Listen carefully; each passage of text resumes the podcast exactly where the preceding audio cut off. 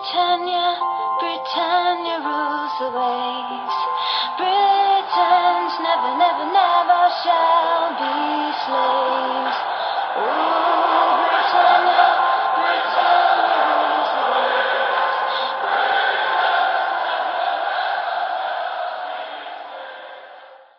Hej och välkomna till avsnitt 239 utav Svenska FPL-podden. Vi står inför säsongens första Double Game Week i Double Game Week 7 och eh, idag är det tisdag den 26 september. Agendan för dagens avsnitt är att vi ska kika in i våra byggen. Hur gick det för oss i Game Week 6 och eh, vad händer här framåt mot Game Week 7? Vi ska även prata veckans punkter som denna vecka såklart avhandlar Double Game Week som kommer och Luton och Burnley som är lagen som dubblar och lite kring deras tillgångar och hur man kan tänka. Vi ska prata en eh, dead end strategi, alltså att man redan nu har planerat in ett wildcard här som många har gjort i ja, men inom kort och vilka spelare man då kan kika mot. Fördelar med det här och vilka spelare kan bli aktuella kring det. En spelare som jag kan tänka mig kommer avhandlas då lite, lite grann kan vara en eh, Son i Spurs som, som gjorde det väldigt bra här i North London Derby. Jag har faktiskt till och med satt upp en egen punkt kring honom då jag har grävt lite i statistik kring honom och kring hans nya anfallsroll. Vad innebär det för honom som FPL-tillgång i olika matcher? Vi fick också såklart den femte varningen på, på Nicholas Jackson och eh, ska därför kolla lite på, på de olika anfallsalternativ som finns och vart man kan gå om man nu fortfarande sitter kvar med eh, denna eh, stackare till anfallare. Eh, sen har vi veckans rekommendationer. Vi har en kaptensdiskussion inför Double Game Week 7 och vi har såklart era lyssnarfrågor. Eh, jag är tillbaka efter eh, två veckors frånvaro och eh, har verkligen ett uppdämt intresse av att prata FBL och det ska jag göra med dig ikväll Fredrik. Stefan är inte med oss. Nej men precis, jag, jag glider in bakvägen så här, kepsen neddragen, luvan på hoodietröjan liksom uppfälld och, och ja, sjunker ner i någon sån här djup Chesterfield-fåtölj. Jag är här men jag vet inte ja, det är väl någon hashtag. Jag är röda pilar.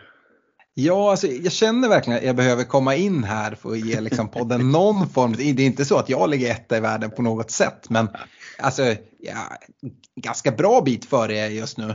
Ehm, och Ja, det, jag vet inte riktigt vad ni sysslar med. Eh, kanske framförallt Stefan. Jag vet att han eh, tog, jag har, jag har tjuvlyssnat lite på er och jag har, hörde att Stefan tog, tog alla möjligheter han hade och pika United och, och sånt här under eh, då man är borta. Eh, men eh, ja, jag då håller han sig borta nu. Eh, så jag ska väl pika tillbaka och vad passar bättre än att kika in i våra byggen och börja med Stefans snegunga. Eh, för det kan man väl verkligen kalla eh, Stefan den här säsongen om någon. Han eh, har förvisso en bättre gameweek än, än vad du har Fredrik, men jag, jag vet att Stefan mår oerhört dåligt över den här gameweeken. Han tar 65 poäng brutto men det är en minus 4 inräknat i det här så 61 poäng netto. Eh, totalt har han 345 poäng och en overall rank på ja, 3,4 miljoner ungefär. Vi behöver inte gå in mer exakt på, på vart det ligger men det, det är inte jättebra. Dessutom har han ju redan tryckt av sitt wildcard. Jag, ja, jag var kanske inte helt övertygad om att det var korrekt när han gjorde det och det var han väl inte heller själv. Det var lite sådär förhastat beslut och det visar väl hans, eh, hans byten den här veckan. Det är tunga transfers han gör. Han eh, nyttjar sina två fria men även ett extra. Så tre byten trycker han av. Han plockar ut Saka.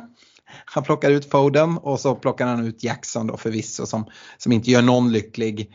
Ehm, men eh, han plockade in Rashford, Mbuemo och Julian Alvarez och jag konstaterar lite snabbt att alla de tre han plockar in det var ju sådana som var med i hans, wild, eh, hans lag innan han drog wildcard och det var inte länge sedan han drog det.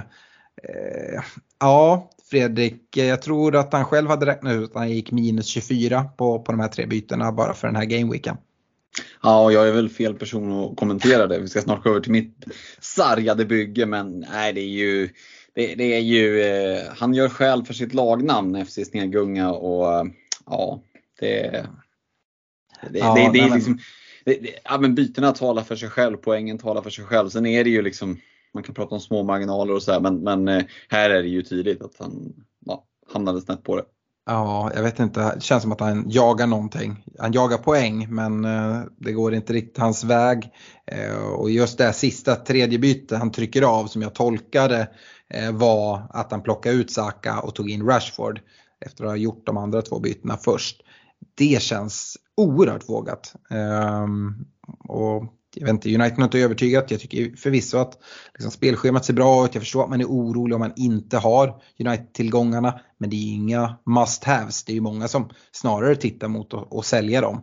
Uh, och så kan man ju tycka att det är eh, en lite onödig eh, försäljning att göra. Men att börja liksom köpa in dem nu för minuspoäng och dessutom plocka ut bra spelare Ja, jag, mm, jag är lite besviken på Stefan som, som FBL-manager måste jag säga.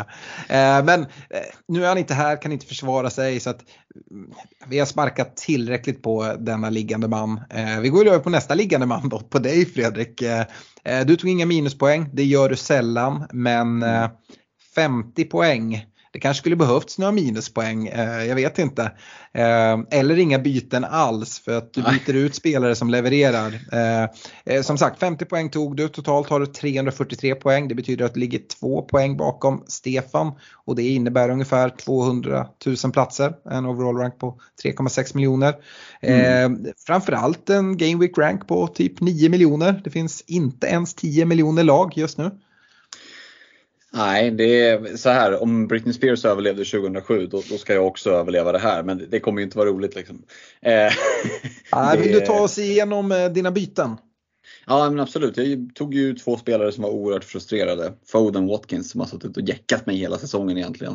Eh, och det är klart att båda liksom, men, trötta Foden ska ju såklart göra mål direkt. Liksom. Sen gör han inte så mycket mer heller så det är liksom ingen spelare jag egentligen vill ha så. Men eh, lagom timing när man tar ut honom då levererar han och lite samma med Watkins. Plockar in en Boemo Alvarez och där är jag egentligen bara sen på bollen. Det är inga dåliga spelare att ta in men de levererar varsin stark pinne. Så det, ja, vad landade det i? Minus 18-20 poäng någonting i, netto. Eh, och den är ju tung såklart. Jag var ju väldigt inne på att dra wildcard. Mm. Så att jag räknade lite på om mitt WC-bygge hade landat på, det hade landat på 65 poäng. Eh, så det hade inte varit någon kanonvecka på något sätt. Eh, men det hade varit 15 poäng mindre dåligt än det här. Eh, och då hade jag suttit på på Sala och sådär. Så att eh, jag hade väl inte gråtit floder om jag hade tryckt av det där WC. Nu gjorde jag inte det och då är det så här, jag kan inte gråta över spilld mjölk utan det är vad det är. Laget i övrigt ser liksom inte kattskit ut utan jag hamnade sjukt liksom, snett på det. Och, eh, det var ju fel, fel game week och, och, och prestera dåligt i för det var ju många som tog väldigt höga poäng. Så att, Ja, 60 poäng efter topp 100K. Eh, nu får man nog börja fundera på hur, hur taktiken ska läggas upp. För att spela template resten av säsongen, det kommer inte att det kommer inte att garantera någon topp 100 000 placering och ja, jag vet inte hur kul det är att liksom sträva mot sånt egentligen. Det är ju en nolla mindre man, man sätter liksom målet på från början. Så att, nej, det, det, det är tungt. Det, det ska, alltså, jag har surit så mycket. Men eh, eh, det här är väl min, min, eh, mitt 7-0 moment. Det, jag har liksom passerat eh, svordomsnivån nu och garvar mest åt det. Ja, eh, nej det, det, det, är vad det är. Det jag tänker på är att du plockar ut eh, Foden och Watkins som du säger du har varit lite frustrerad över. Eh, ser att du tar in två spelare som jag har pratat upp Mbuemo väldigt mycket. Jag plockar själv in Alvarez den här veckan, precis som mm. både dig och Stefan. Det är den mest inbytta spelaren och då vet man att det inte går bra. Uh, det har i alla fall varit så nu. Uh, men båda spelarna du plockar in är billigare och du nämnde mm. det att du hade planer att dra ett wildcard och jag undrar ju såklart därför om de här bytena, de sparar dig lite pengar. Är det så att du kanske kikar på att hålla ditt wildcard längre och därför vill spara pengar för att kunna plocka in en Mohamed Salah exempelvis här eh, lite senare utan ett wildcard eller har du redan nu då, ja det blev inget inför Game Week 7 men det blir definitivt då. Har du kommit någonstans? Ja, det har jag gjort och så här, det var nära att jag bytte ut Saka istället för, eh, för Foden. Mm. Eh, så det var liksom ren, ja, för då hade jag nämligen haft råd att göra Rashford till Salah i ett rakt byte. Eh, mm. Och det hade kunnat möjliggjort att jag hade kunnat skjuta på wildcard lite längre. så som känslan är just nu så kommer jag trycka av wildcardet i, i nästa landslagsuppehåll inför Game Week 9.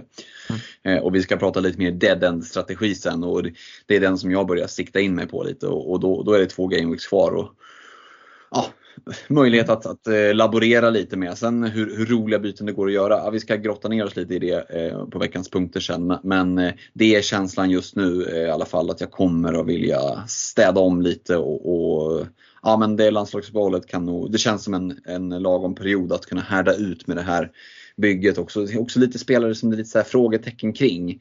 Jag sitter med Chilwell, jag sitter med Gabriel och de vet jag liksom inte, nu när Gusto är avstängd, vad händer med Chilwell då? Det är väldigt mycket sånt, jag känner att jag kan få bara landa en vecka, göra förmodligen bara ett byte men jag sitter med 2,6 miljoner i banken så att eh, mm. jag plockar in den spelare jag vill plocka in förutom Salah kan man säga. Mm.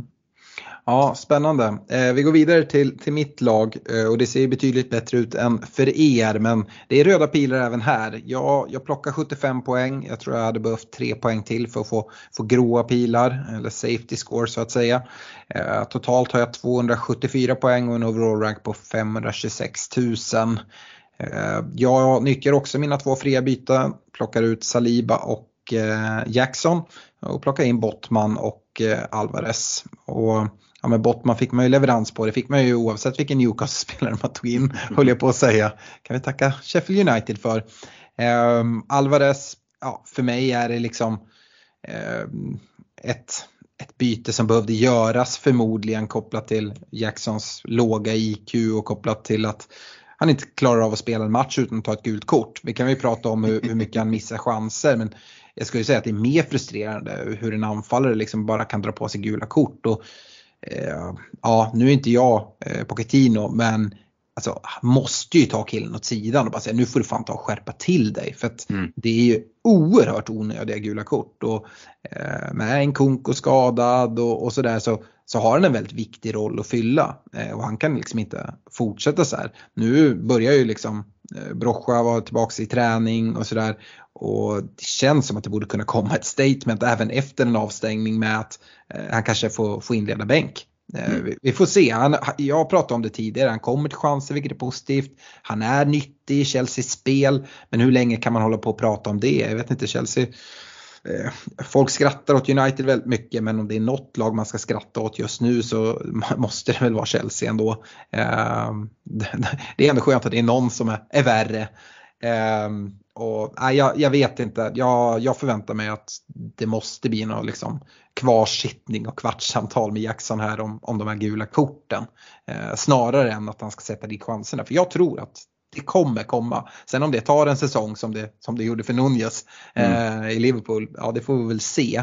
Men eh, det går inte liksom att eh, ta ett kort i snitt per match. Det, det funkar liksom inte.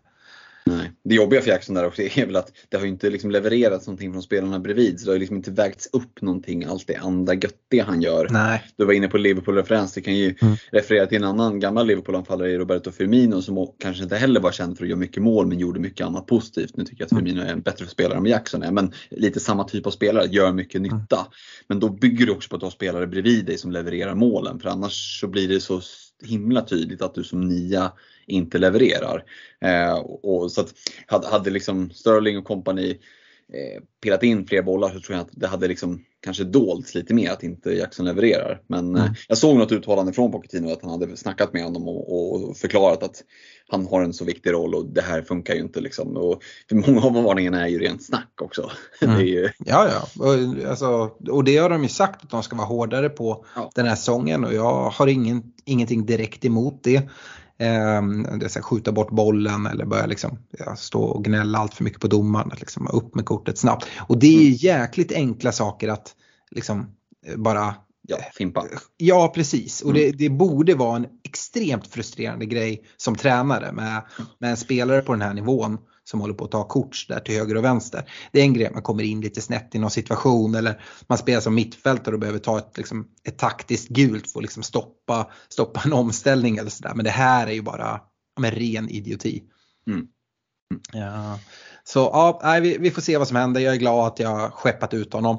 Eh, med det sagt, säger inte att det inte är så att han kan leta sig in i bygget när han har av, avtjänat sin avstämning och Pochettino kanske har liksom fått lite ordning på honom. Eh, det kommer inte vara här i Game Week 8, 9, 10 utan mm. det är i så fall lite längre fram. Men ja, vi, vi får se vad som händer. Som sagt, jag, jag gillar ändå delar av det jag har sett från Jackson även om jag avskyr de bitar jag varit inne på här. Mm. Um, Inför helgen då, är det något givet byte som du har suttit och filat på eller? Jag skulle nästan vilja komma till det egentligen att du pratar om att ha inplanerat byte och dead end. För mig är det nog inte dead end alls intressant för jag vill hålla alla dörrar öppna och den, den mest öppna dörren just nu är nog, eh, liksom, eller den, där jag tror jag kommer landa är att hålla på mitt wildcard. Eh, tills jag behöver det. Eh, gärna så, så, sent som möjligt eh, och hoppas att jag ska få liksom, fördelar utav det. Eh, men kommer hela tiden liksom vara öppen för att trycka av det om det kommer omständigheter eh, som gör att jag behöver kasta om det. Och nackdelen med, med att hålla det så eh, det är såklart att det kan visa sig att jag drar av det i Game Week 9 eller 10 i alla fall om det händer vissa grejer med, med spelare, antingen skador och avstängningar och sånt där men det skulle även kunna vara eh, bara andra omständigheter att det är vissa spelare som jag bara känner att jag måste ha den här nu. Eh, och jag måste bli av med den här nu. Och så mm. några för många sådana och då att jag trycker av det. Och då kan jag ju inte nyttja den här fördelen med ett planerat wildcard att gå på lite om så kallade kortsiktiga pants som, som du ska prata om eh, här lite senare. Um, men jag, jag, kollar på det och så här, om jag skulle dra ett wildcard uh, så tror jag det troligaste är att jag skulle dra det i Game Week 10 tror jag. Uh, om jag skulle dra det nu här snart. Och kolla på vad det, hur det bygget skulle se ut och hur mitt bygge skulle se ut med eh, fria transfers. Oerhört lika. Det är klart att det är några så små eh, lyxförändringar som man unnar sig med ett WC. Men på det stora hela så ja, absolut en god möjlighet att plocka in Sala eh, om jag nu vill ha honom. Eh, och eh, liksom, även i övrigt ett liksom, bra och starkt bygge. Och då, liksom, nej, det, det skiljer sig inte så mycket och då är det ganska gött att sitta kvar med det här wildcardet. Eh, hoppas att liksom något som helt ställer allt på ändan. Vi har pratat om det tidigare att Håland liksom, eh, drar korsbandet och han ska ut eh, och man bygger om hela sitt lag med ett wildcard då. Eh, det hade varit rätt kul tycker jag. Mm. kul med korsbandsskador verkligen. Eh, nej men det hade liksom varit kanon. om inte annat som bara sitta med det och sen nyttja det i, i Game Week liksom 19 och sätta upp mitt lag med all info vi har fram till tills dess. För jag tycker fortfarande det finns jäkligt oklart. Och så här, men vem i ett wildcard-lag just nu, vem är den absolut bästa målvakten? Jag vet att Stefan mm. håller, håller Leno högt. Eh, och Leno, Areola, ja det kanske är där man hade hamnat. Är jag liksom, liksom helt så här, ja fan det här är den bästa målvaktsuppsättningen man kan ha den här säsongen. Nej, det är inte jag landad än. Eh, jag tror att det kan liksom visa sig senare. Vi får lite mer eh, info kring det här eh, med lite fler matcher spelade. Eh, vi kanske ser några lag som hittar, hittar rätt lite mer, andra som vi ser inte alls, som vi, som vi tycker ser okej okay nu eh, men om ett tag så nej de är fan inte så bra. Eh, så att jag inväntar att få lite mer information, det är liksom min förhoppning. Men ja, och med det sagt då så är det liksom lite oklart vad jag ska göra den här veckan. Om jag ska spara, det, det är absolut möjligt eh, att komma med två fria. Eh, eller om jag ska göra ett byte så, så lutar jag nog åt att det ska vara i backlinjen. Mm. Um, och uh, du pratar Chilwell. Uh, jag kan inte låta bli att prata Chilwell. Även jag. Uh, ja absolut, han kan spela mot Fulham jag håller inte ens som säkert det. Jag såg Pochettino var ute och pratade, ja men han ska spela, eh, spela ligacupen i alla fall och så får vi se sen. Mm. Och det, jag gillar inte det uttalandet. Eh, Chelsea spelar väl imorgon tror jag, ligacupen. Mm. Eh, och räknar med att Chilwell startar där. Eh, det är fina matcher, liksom Fulham borta och är det Burnley borta sen? Precis. Eh, 7 8 Men sen mm. så är ju Chelseas spelschema eh, riktigt ut. Alltså, det är ju en gubbe som ska ut. För att ja. även på liksom sikt så litar jag inte på att han kommer starta vecka efter vecka. Ehm, men vi har även gulflaggor i mitt lag, både i Madison och Saka. Jag mm. såg väl Arteta var ute och pratade om Saka att han kan mycket väl missa helgens match. Och helgens match vill man ju gärna ha bortom Bournemouth. Men sen är det City hemma, Chelsea borta. Liksom så att det skulle kunna vara ett Saka-byte där. Om man liksom definitivt är borta. Ja, jag vet inte. Det är, det är lite lurigt men jag håller ganska mycket öppet. Jag, är det ett försvarsbyte så ska det väl in med en till Newcastle-gubbe. Um, där har ju Bottman redan. Eh, mm. Uh, och är det mittfältsbyte så är det kanske Saka mot en Devy i Villa kanske. Mm. Mm. Uh, för, för mig handlar det lite om att uh, spara ihop lite pengar för att ge mig då möjligheten att hoppa på en Mohamed Salah utan ett WC. Mm. Och jag har jag har redan nu eh, pengar på banken. Men inte så att det räcker, jag har 2,5 på banken så det är en, en bit på vägen då. Um, ja, men uh, så, så går tankarna och de är rätt vaga uh, av det, förklarliga skäl. Ja, som sagt vi spelar ju en tisdag kväll och på onsdag kväll, nu spelar United spelar ju mot, mot Palace samtidigt mm. som eh, som vi spelar in. Men imorgon då, eh, onsdag kväll, så är det ju väldigt mycket Premier League-lag och väldigt mycket FPL-intressanta Premier League-lag som är, eh, ska ut i ligacupen. Och det är ganska mycket Premier League-möten. Liverpool möter då för visserligen Leicester som har åkt ner men mm. eh, Chelsea-Brighton och det är Brentford-Arsenal och det är Villa-Everton, Newcastle-Man City. Så att, eh, ja, det ska bli intressant att se det, om det är lika reservbetonade elver som vi ser idag tisdag. Eh, det kommer nog variera en del kan jag tänka mig. Mm, ja, Pallas roterar ju verkligen hela bygget. United mm. hade ju ändå ganska mycket spelare som jag tycker ändå ses som hyfsat ordinarie. Eh, men eh, det är också en grej då. Eh, ja, men Pep var ute och, och typ snackade om att han själv kanske skulle spela bara för att han inte vill att hans ordinarie gubbar ska, ska lira. Så att eh, jag förväntar mig en oerhört B-betonad City-11. Sen så mm. en B-betonad City-11 är ju liksom inte kattpiss på något sätt. Eh, men ehm, eh, och sen det som också talar för mig att hålla på wildcard, det fick vi ju här under kvällen. Uh, ja, Palace United spelar ju fortfarande men det vi vet mm. är att Dean Henderson klev av uh, skadad, fick chanserna i cupmatchen. Uh, och vi får ju se vad som sägs men det borde innebära att Sam Johnstons plats är säkrad för ett tag till i alla fall. Även om man skeppar in mål här mot United som, som faktiskt spelar eh, rätt bra. Eh, så eh, ja, är jag nöjd om jag kan, kan få han som fortsatt eh, startande målvakt. Då har jag liksom inte de här målvaktsbekymren som också var en del till att, att dra ett wildcard. Nej, det var, den skadan kom lägligt för er som sitter på Johnston. Jajamän, speciellt med Turner också då som mm. också har fått in konkurrens även om båda behåller sin plats som det är just nu. Mm. Eh, grymt. Eh, jag vet att du ville att vi inte skulle stanna så länge i våra byggen. Nu har vi stannat ganska länge. Eh, så ska vi gå vidare? Ja, det gör vi. ja, men då pratar vi om något betydligt roligare. Eh, vi pratar om vårt eh, Patreon-community. Eh, Patreon.com svenska FPL. Eh, stort tack till alla er som stöttar oss där. Ni som inte gör det än eh, är ni varmt välkomna in i värmen. Eh, och nu finns det ju också en god anledning att gå med. Vi har tillsammans med vår partner Netshirt som, som säljer vår svenska FBL-podden Merge tagit fram lite ny merch eh, och liksom som en helt ny kategori. Eh, vi har eh, svenska FBL-podden ölglas, whiskyglas, shotglas och jag vet inte, eller jag vet med dig Fredrik att du kan uppskatta en, en god whisky eller en god öl till, till, um, till fotbollen. Eh, och ibland när det går som, som en sån här vecka i Game Week 6 då kan det här shotglaset också behöva komma fram. Eh, varför inte då med Svenska FBL-podden logga på.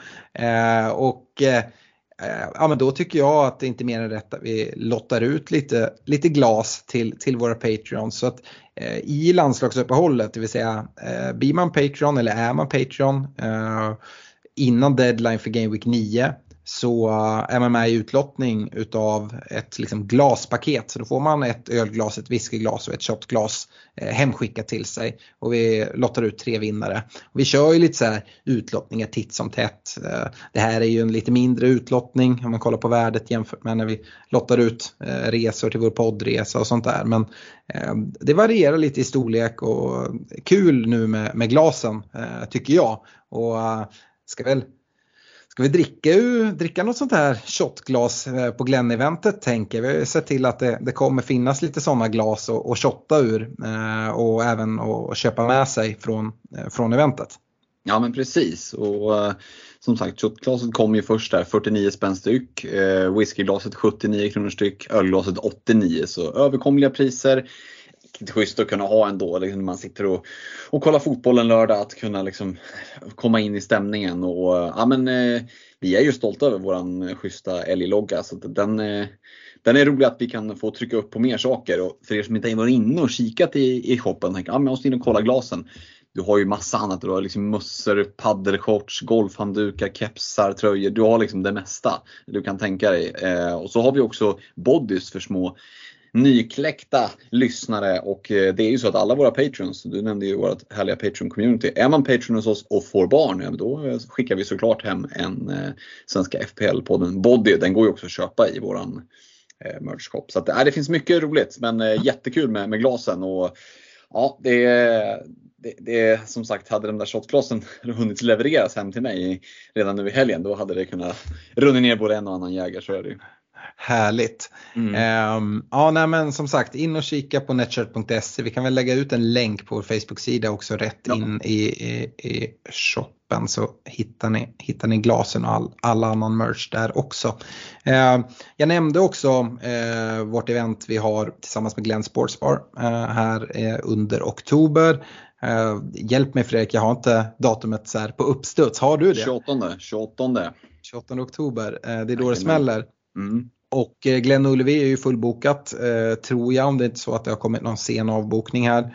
Eh, man kan såklart höra av sig men jag vet att grabbarna på Glenn öppnade upp även, de har ju flera sportbarer där nere i Göteborg. De öppnade upp Gamlestan också, kör FPL-event där med Eh, med quiz och fina priser och sånt. Så om ni liksom var lite sena eller kanske snarare inte var Patreon så hade förtur att boka så, så kan man nu gå in och, och boka till eh, Glenn Gamlestan också och vara med om en riktigt skön FBL, eh, ja, med FBL lördag eh, på Glenn Sportsbar. Mm, ja, men det ser vi fram emot. Nakata kommer dit, kommer ha lite försäljning på plats och reducering.se kommer att köra stryktipstävling och kommer vara bra priser i baren. Det kommer vara riktigt gött häng. Mycket, alltså det blir en hel 220 pers ish på en sportbar. Alla är liksom, vill snacka fantasy. Det, det kan inte bli bättre. Nej. Eh, Reducering.se nämnde du också. Vi tackar dem som partners. Eh, vi tackar Unisport Store. Eh, Nakata.se nämndes också. Eh, och så Superclub som eh, också är en, eh, liksom en partner vi är oerhört stolta över att ha hos oss i Svenska FBL-podden. Så, jag tänkte att vi skulle hoppa in i veckans punkter och eh, den första punkten känns rätt självklar eh, att tala kring. Double Game Week 7. Eh, är vi i en sån här fälla igen, Fredrik, att man, oh, nu ska vi in med Double Game Week-spelare från de här riktiga skitlagen. Det är två nykomlingar, Burnley och Luton. Nykomlingarna har väl inlett sådär, får man säga. Även om Burnley och Luton har en match mindre spelade än alla andra så, ja, det, jag tror ja, de flesta hade väl inte jättehöga förväntningar men Burnley kom väl upp med vissa förväntningar ändå. Mm, de kom ju åtminstone upp med liksom en attityd om att här ska vi komma upp och spela och sen så blev de avklädda totalt hittills. Nej men det, de, det har ju varit katastrofinledningar för alla tre nykomlingar, mm. det måste man väl ändå säga. En pinne på första liksom, fem eller sex omgångar, det kan man inte vara nöjda med. Och, ja, det gör ju den här dubben lite, lite svårtydd. Mm. Uh, och, ja, men, för Burnleys del så är det två bortamatcher. Newcastle borta som är en jättetuff match. Eh, och sen är det Luton borta som då kanske fanns någon form av bra match. Eh, så att, ja, jag vet inte. Det är ju mm. inte så att det är inte löp och köp för, för den här dubben. Det, det är det ju inte.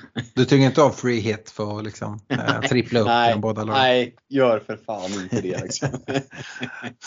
Uh, nej, och, alltså, lurigt tycker jag. Men vi får nästan ta dem lag för lag. Det är de allra flesta har väl mest pratat om Luton, så vi kan väl börja där. Mm. Det är väl uh, för att de, uh, utöver då Burnley, som, som också är på hemmaplan, ska, ska borta möta ett Everton som ja, vi kanske inte är superimponerade över. Det, det är ju en bra dubbel. Hade det här varit mm. liksom City som hade haft den här dubben, ja men då hade det liksom helt enkelt kunnat, kunnat börja pratats en del chips, ja, triple captain bland annat. Eh, så att eh, det går inte att säga så mycket om det. Sen har de dessutom haft bra, bra matcher innan. Men om man liksom blickar lite bortom det, om man nu inte är i det här dead end-läget eh, så är det inte jättekul spelschema efter dubben. Eh, jag tycker man behöver kolla på det också om man nu inte ska dra ett wildcard och fly därifrån. Det är Spurs hemma, sen i åttan, sen är det Forest borta, Villa borta, Liverpool hemma om vi kollar på de fyra matcherna efterföljande. Ja, ah, jag vet inte. Um, jag är inte superövertygad och därför när vi gick igenom våra byggen så nämnde jag inte Luton överhuvudtaget. Uh, när dubben kom så tänkte jag att ja, ja men Morris kanske kan vara en gubbe att, och gå till i alla fall. Och det är väl säkert en spelare som du ska nämna i som de här liksom, dead end diskussionerna. Mm. Eh, kostar ju bara 5,5 eh, och anfallsplatser har vi ändå. Eh, så ja, dit skulle man kunna gå. Och sen så tycker jag alltid att det kan vara intressant att gå till en double game week målvakt om man eh, liksom har ett byte över och kunna göra på sin målvakt som man kanske dessutom tycker är en problemmålvakt av, av någon anledning. Hey Dave. Yeah Randy. Since we founded Bombus we've always said our socks, underwear and t-shirts are super soft. Any new ideas? Maybe sublimely soft. Or disgustingly cozy. Wait, what? I got it. Bombus Absurdly comfortable essentials for yourself and for those facing homelessness. Because one purchased equals one donated. Wow, did we just write an ad? Yes. Bombas. Big comfort for everyone. Go to bombas.com slash ACAST and use code ACAST for 20% off your first purchase. Ehm, och då har vi Kaminski, eh, 4,5 i, i Luton, som har en bra dubbel. Samtidigt, ja, Visst, jag säger att det, det, är en bra dubbel, Everton borta, Burnley hemma. Vad säger du Fredrik? Eh, liksom, går det att räkna med någon nolla från ett Luton även med bra spelschema? Nej, det gör det väl inte. Sen skulle jag inte liksom, alltså, för just den här omgången så är det klart att det alltid fint att med en målvakt med dubbla matcher för att det, det kan bli en nolla, det kan bli 0-0 i en match och så lite räddningspoäng i nästa så sitter han där med 10-12 poäng. Det är inte omöjligt. Problemet är väl att liksom, Kaminski Luton kostar 4,5 och så har vi keeprar som Ariola och liksom Turner och så här, eh, som spelar och är billigare och då blir det lite knas att sitta med Kaminski på sikt. Mm. Eh, och eftersom vi har redan avfärdat eh, liksom, eh, free hit med ett sånt där grabbigt hö höande så, mm. så är det, det är ju inget alternativ. Nej, men då, då, tycker jag att det faller lite på det. Eh, utan det är väl de som sitter på en typ Caboret, eh, mm. 4,0 back. Liksom att, ja, det, sitter du på honom och har han längst ut på kvisten då kan det ju vara läge. Men med det sagt, ja Caboret hade jag ju såklart, han, han hade jag lirat med den här dubben men, men vi kommer ju till ett Burnley och där hamnar jag i, i liksom så här huvudbrysläge kring om min double game spelare ens ska få spela. Det kommer han ju mm. förmodligen få göra men det är liksom det är på nivån att det inte, han är inte helt given. Liksom. Nej. Nej, jag vet inte. Jag, jag kommer inte ta in någon, någon spelare. Jag har eh, Caboret, han får starta. Eh, mm. Men eh, sen så kommer han åka ut sist på kvisten igen. Eh, och jag är inte ens liksom helt övertygad om man liksom vill byta in Caboret för den här gameweeken. Vi får liksom byta en 4,0 eh, back mot en annan. Eh, för alltså, det finns ingen garanti. Han missade en match vet jag. Mm. Eh, får han dubbla starter? Ja, det kan han få. Men man kan inte vara chockad heller om det skulle vara en, att han bara får en start. Och nu är det väl bra, det, jag tror att det är lördag, tisdag för mm. Luton. Så det är ändå helt okej okay, mellanrum mellan matcherna. Men ja, jag, jag tycker, har man, har man någon spelare så kan man absolut spela honom. Plocka in ja, pja. Det är Morris som, som jag kan förstå. Vi ska prata liksom, om man sitter med till exempel eh, med Jackson, eh, vart man kan gå. Ja men då kan man absolut gå till Morris. Men det är ju också en sådär är det ett svinbra alternativ om jag inte ska dra ett wildcard och ta mig ifrån honom? Mm, jag vet inte. Ja, det, blir, det blir en miljon extra där på bänken längst ut mm. eh, som, du, som du offrar från att ha i elvan. Eh, ja, eller, eller om det är din andra anfallare eh, som mm. du tar in och ja. tänker att du spelar typ 4-5-1. Eh, mm. Det är också en möjlighet. Men ja, jag, jag vet inte, jag, jag är inte övertygad på något sätt. Det låter inte som att du heller är det.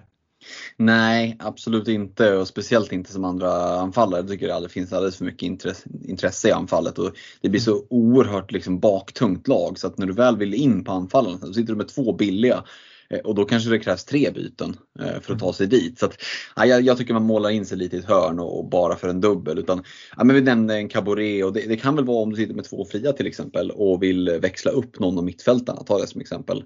Eh, att då byta ut en skadad Rico Henry eller en Chilwell för att man har lackat och tröttnat eller någon annan back sådär till en cabaret för att få loss mm. pengar för att kunna uppgradera mittfältet för två fria. Ja men det kan jag se. Mm. Eh, om han ändå ska sitta bänk sen. Liksom.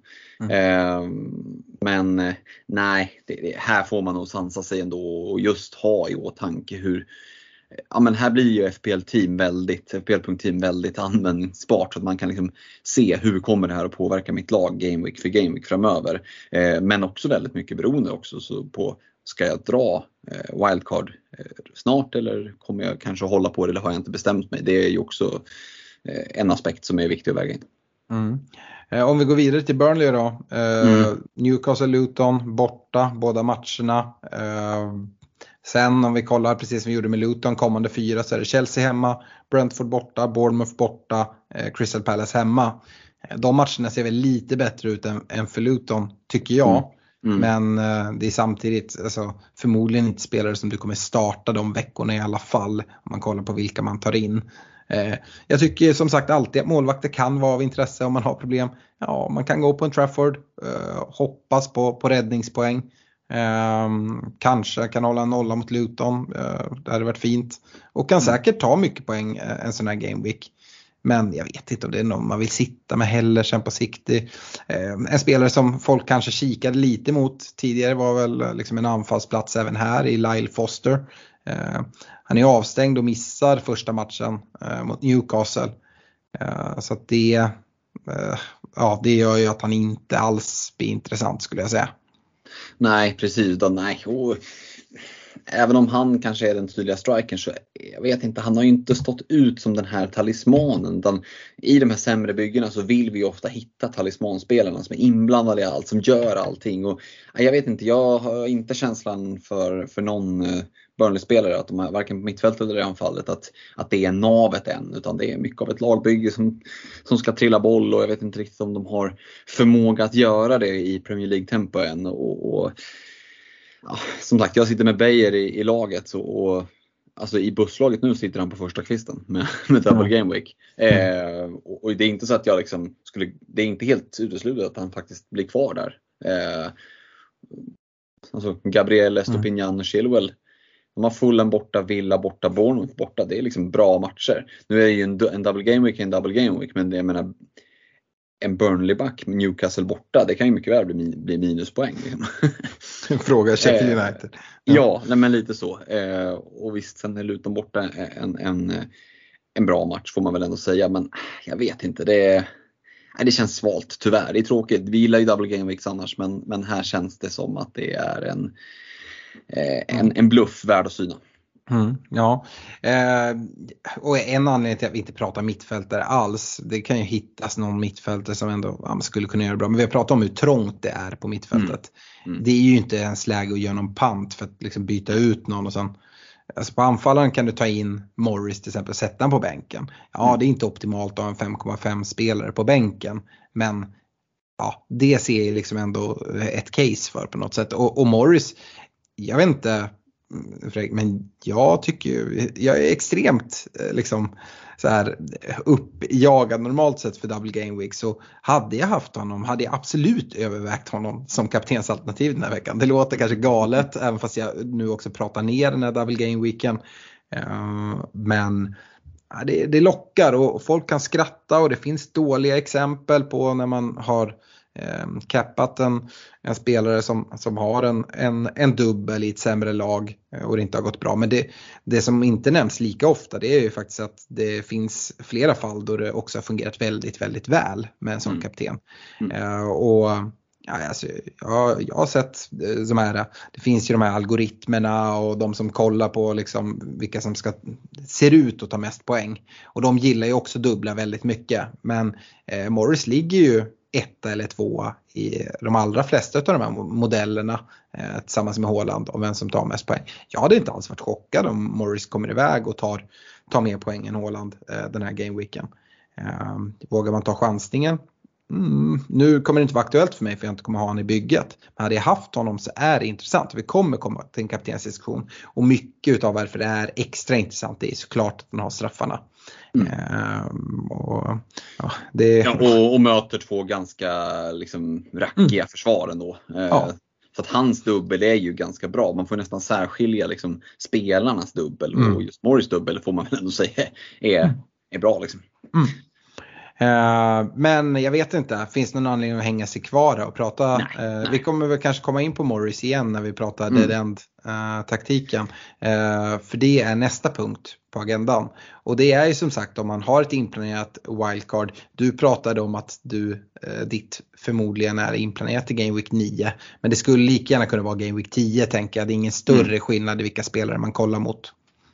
Nej precis, utan det är ju lite den här fixture swingen att det, det vänder lite spelschema för vissa lag. Vi ser att ja, men från Game Week 10 där som du nämner så, så kommer Brighton in i ett väldigt fint Mm. spelschema till exempel. Eh, Aston Villa kliver in och får bra spelschema. Eh, och Arsenal skulle jag vilja skjuta in också. Arsenal kliver in.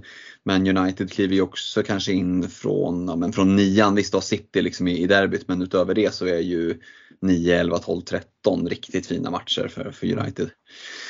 Ehm, så att, ja, nej men eh, det jag har span på det och det gör ju att vi får eh, det här dead end möjligheten och, och för er som inte är bekanta med, med termen så innebär ju den, precis som du var inne på tidigare, att ja, men man egentligen mer eller mindre bestämmer sig för att jag tycker om mitt wildcard inför Game Week 9. Det gör att jag kan ta in spelare som jag egentligen bara eh, behöver fokusera på vilken, vilka matcher har de nu i Game Week 7 och i Game Week 8. För att jag får ju liksom göra rent hus inför nian. Jag behöver inte tänka på, på längre sikt. Ehm, så jag försökte spana lite på vad skulle det kunna vara för intressanta spelare, eller till att börja med, vad är det för intressanta lag och sen vilka spelare kan finnas där. Ehm, och den första spaningen blir egentligen att det är ganska få lag som har en bra dubbel, om du förstår vad jag menar. Som har bra match i sjuan, bra match i åttan. Eh, ja, det, det, man får skrapa ordentligt. Det laget som har bäst schema, eh, det är ju skräpgänget Everton. Eh, som har Luton hemma i sjuan och Bournemouth hemma i åttan. Så det är ju två riktigt fina matcher just för dead enden. Och hade vi haft en Dominic Calvert-Lewin som inte hade haft ljumskar av liksom, Eh, glas eller snarare kanske liksom, kokta nudlar eh, så hade ju det kunnat vara ett alternativ. Men ja, Everton det är ju i så fall någonting bakåt i form av en Tarkovsky eller något sånt som skulle kunna tas in och det kan ju mycket väl i bästa fall bli två nollor. Eh, så att Everton är ju ett sånt lag men det, det handlar inte om att jag tycker illa om Everton varför det smärtar och liksom börja liksom reka in Everton som klubb men de har ju inte sett bra ut i början av säsongen. Nej, nej det, har de, det har de verkligen inte. Eh, och, och spanar man vidare på lag som också har bra signal, då är det ju, apropå lag som inte har sett bra ut, ett Chelsea som förvisso har två bortamatcher men man ska möta Fulham och Burnley. Eh, och då har vi redan konstaterat att de har inte, de har inte inlett superbra. Eh, men det har ju inte Chelsea heller, så det är samma sak där. Hade Chelsea övertygat, ja men då hade det varit två ganska fina, om ändå på bortaplan, eh, matcher. Men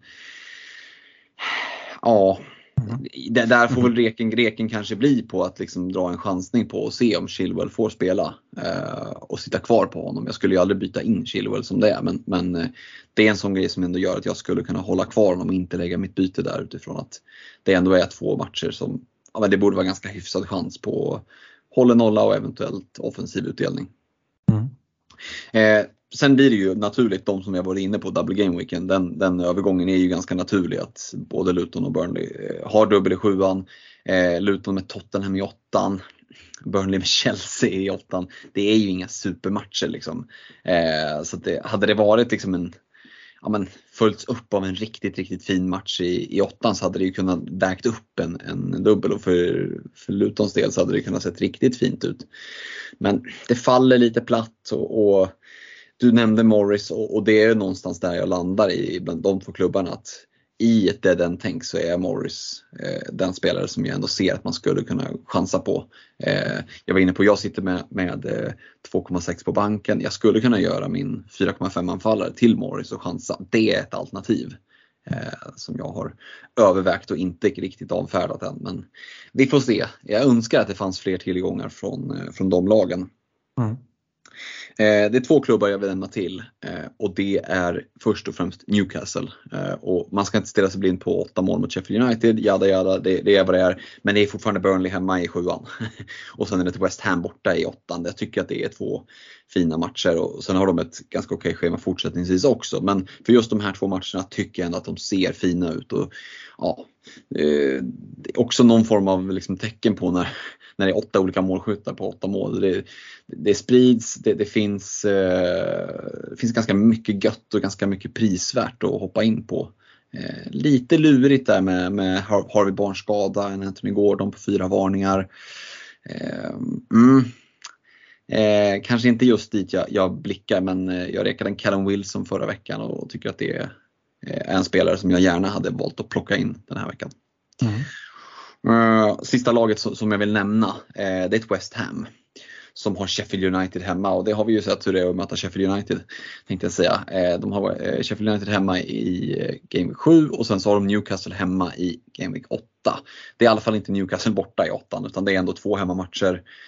West Ham är luriga alltså. Ena dagen ser de så himla bra ut så nästa dag kan de torska mot fan vilket lag som helst. Men eh, eh gillar ju James Ward-Prowse när han har kommit in och tar mycket fasta. Tror att mot ett lågt sittande Sheffield, jag tror att Sheffield United de kommer, att, de kommer att parkera bussen efter den här utskåpningen de åkte på. Eh, och då kan det bli en hel del fasta. Det kommer bli, de kommer ta tillvara på, eh, på frisparkarna West Ham för de vet att det är fasta situationer kommer de att, att behöva utnyttja. Så att eh, James Ward-Prowse har jag lite extra spaning på. Skulle kunna vara en sån här differential att blicka mot den här veckan. Mm. Skulle även vilja skjuta in där, du pratar eh, liksom Games World Prowse fast situationer mot Sheff Sheffield United. Mm. De här åtta målen de släpper in mot, mot eh, Newcastle.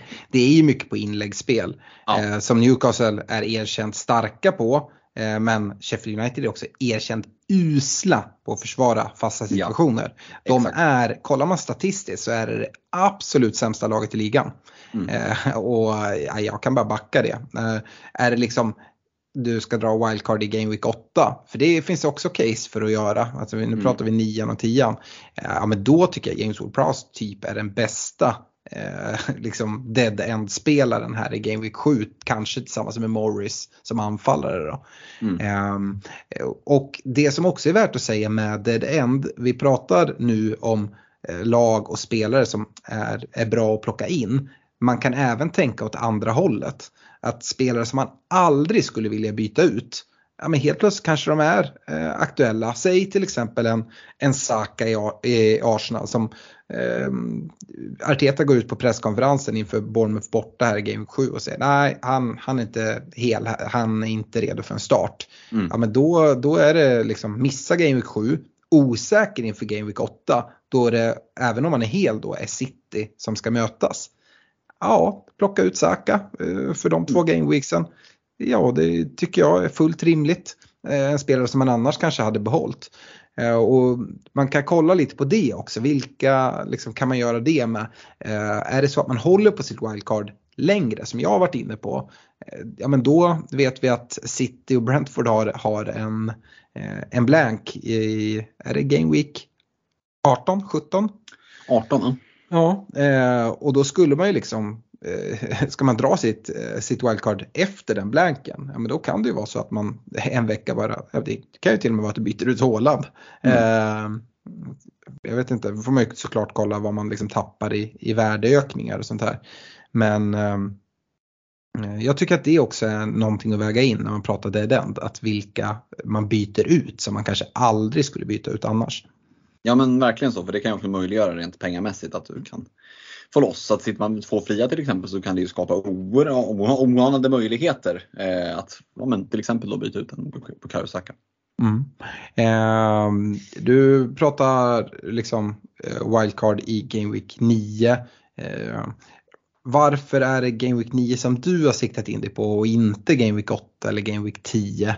Är det liksom den här eh, lite så här som många gjorde förut att det är ett landslagsuppehåll, man har längre tid på sig.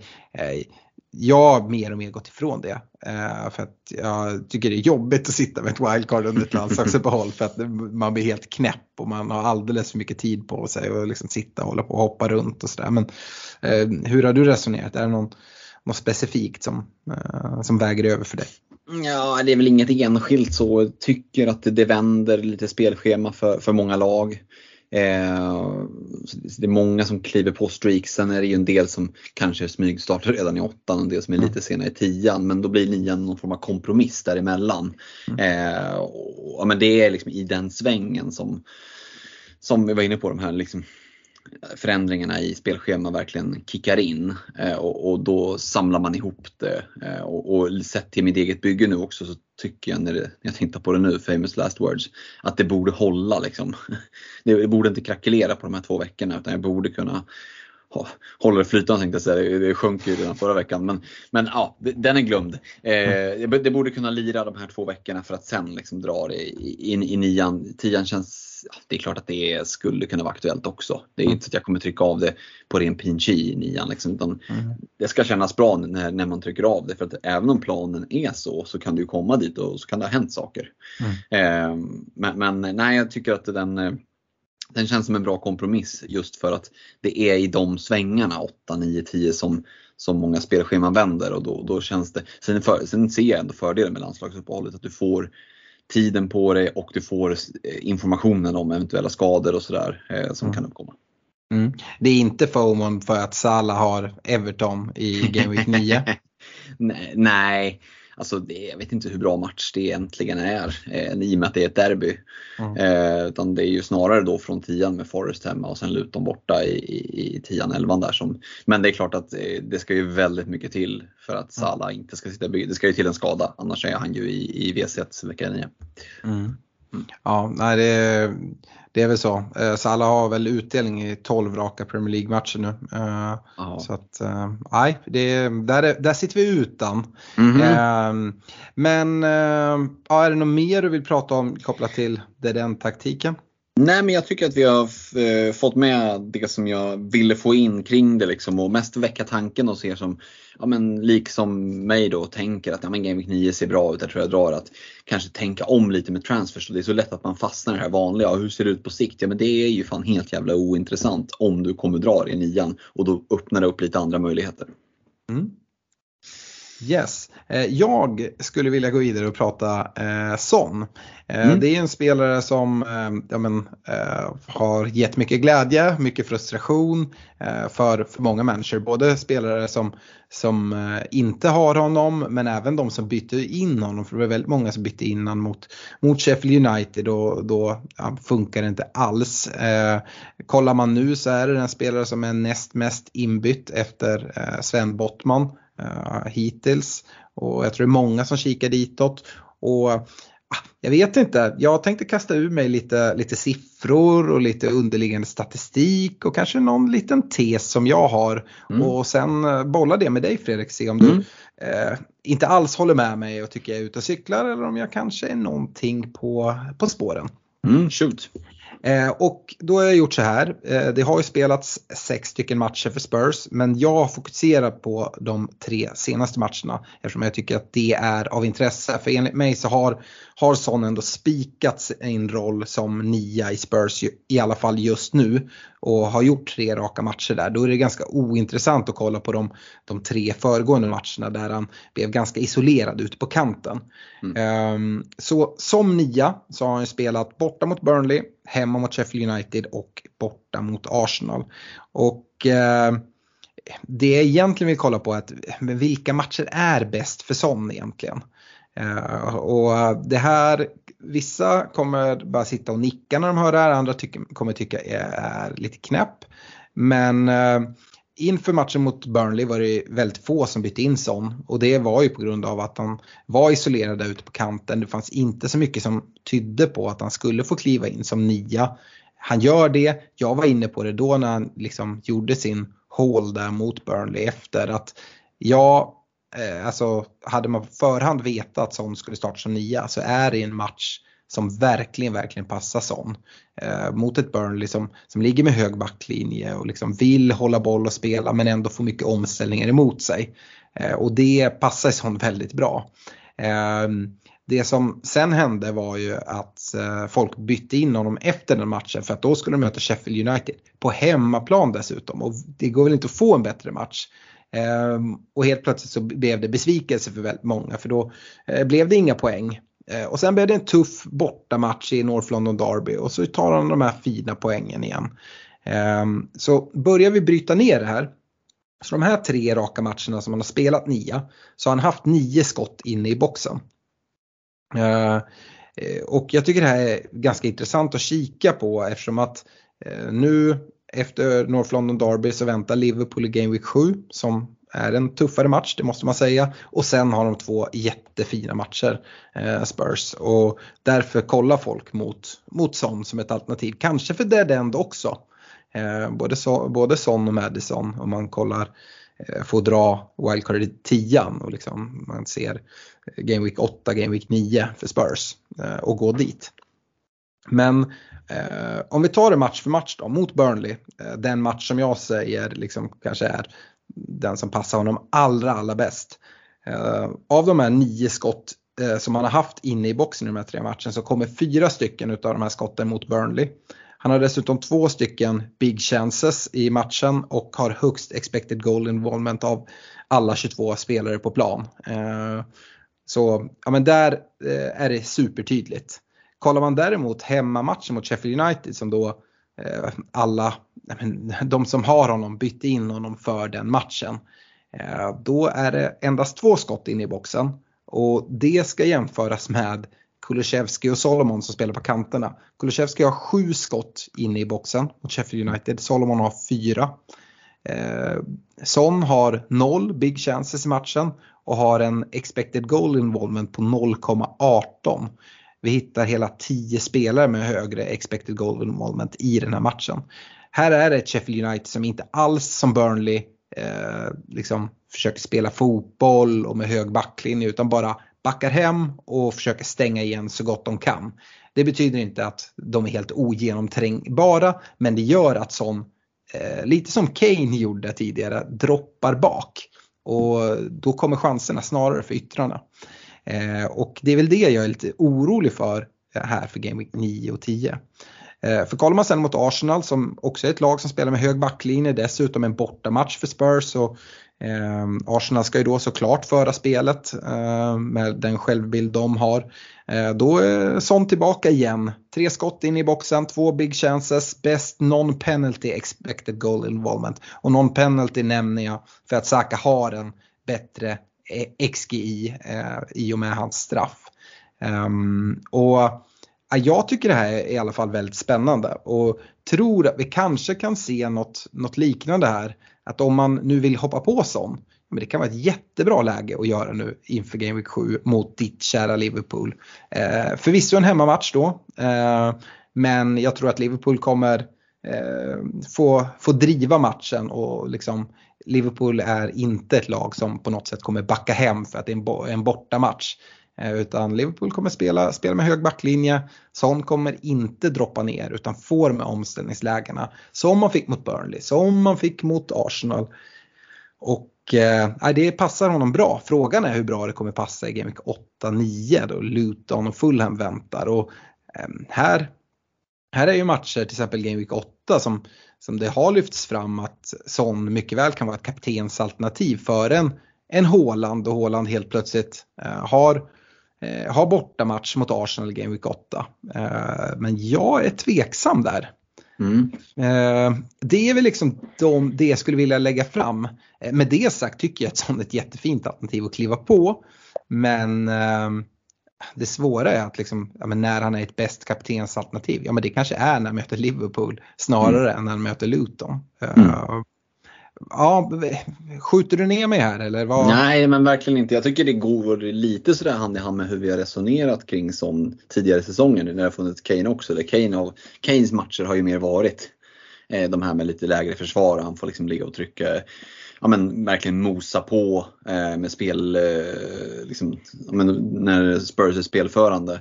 Eh, för sån är det ju mer, liksom, det ska finnas ytor bakom backlinjen. Eh, och det kommer det ju göra mot Liverpool.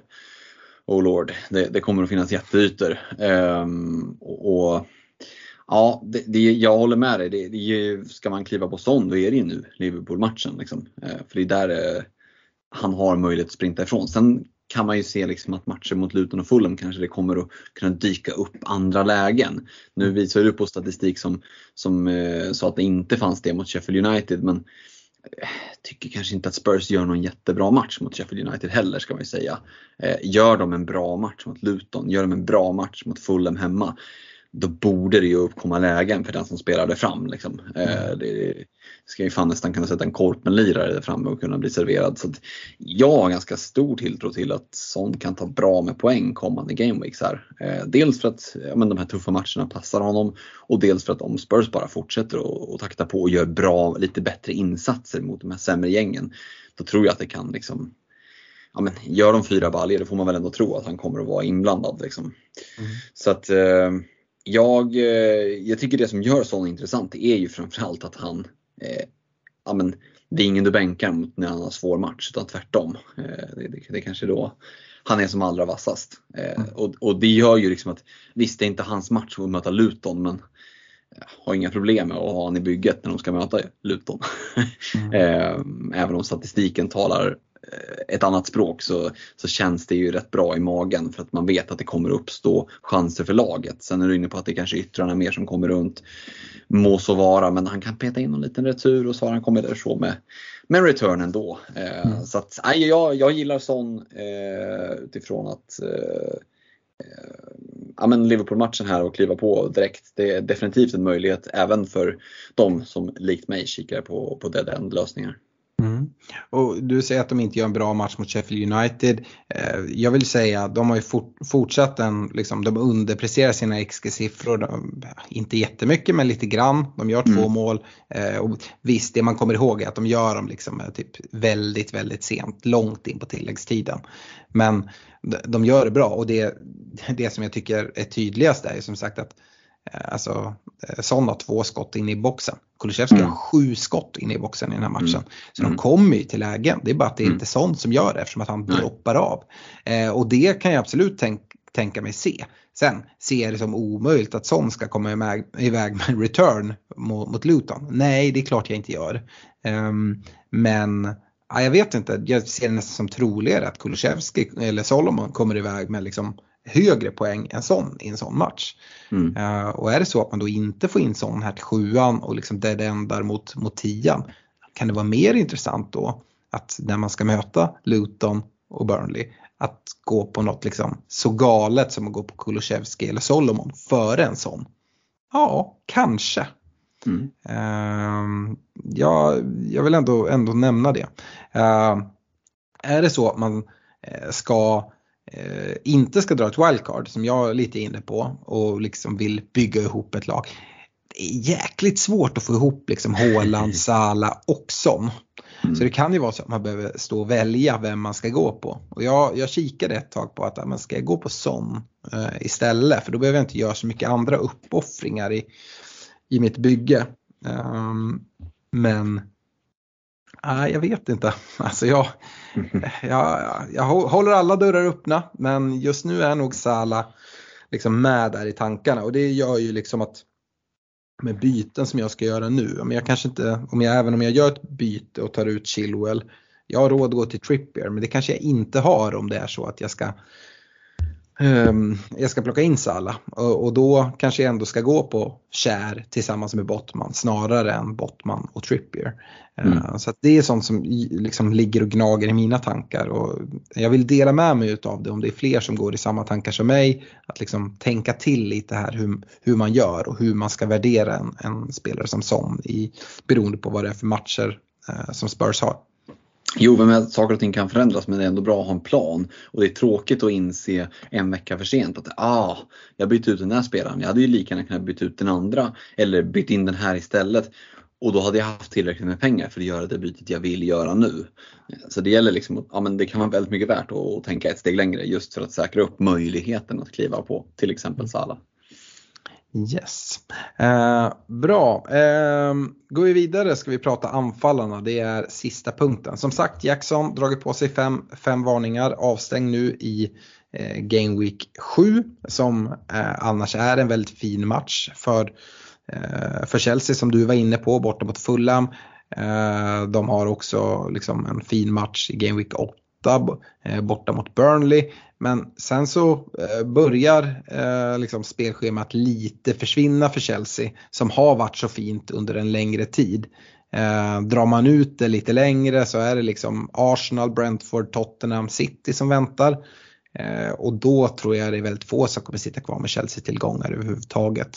Mm. Eh, så eh, nu missar Jackson en ut, utav de här fina, fina bortamatcherna som de har i sjuan, åttan det är väl bara att kliva därifrån. Vi har ju dessutom frågetecken kring honom och man kan, kan få in bollen i nät.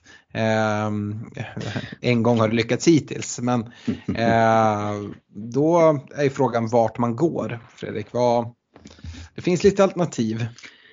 Ja men det gör ju det. Eh, det är lite småjobbigt kanske om man sitter precis med 0,0 på banken. Då finns det alternativ som är lite billigare också. Och, och, vi ska inte gå igenom hela raden anfallare men jag tycker ändå det är värt att lägga lite tid på att fokusera på att det är inte bara Erling Braut Haaland och, och, och två 4 eh, i anfallet som finns att välja på utan ja, men, det är lite så här känslan att det börjar bubbla att de är på väg tillbaka. Vi har en David Nunez som har jobbat sig tillbaka, gjort lite mål, gjort lite assist. Eh, känns ju verkligen som att han är på G.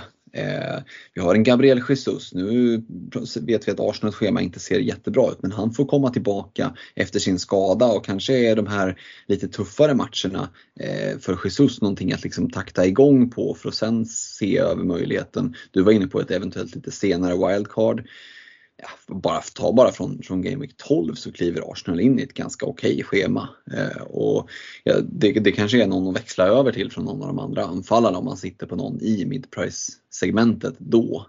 Eh, och ja, han som jag släppte, Ollie Watkins, eh, fick ju också det att lossna såklart.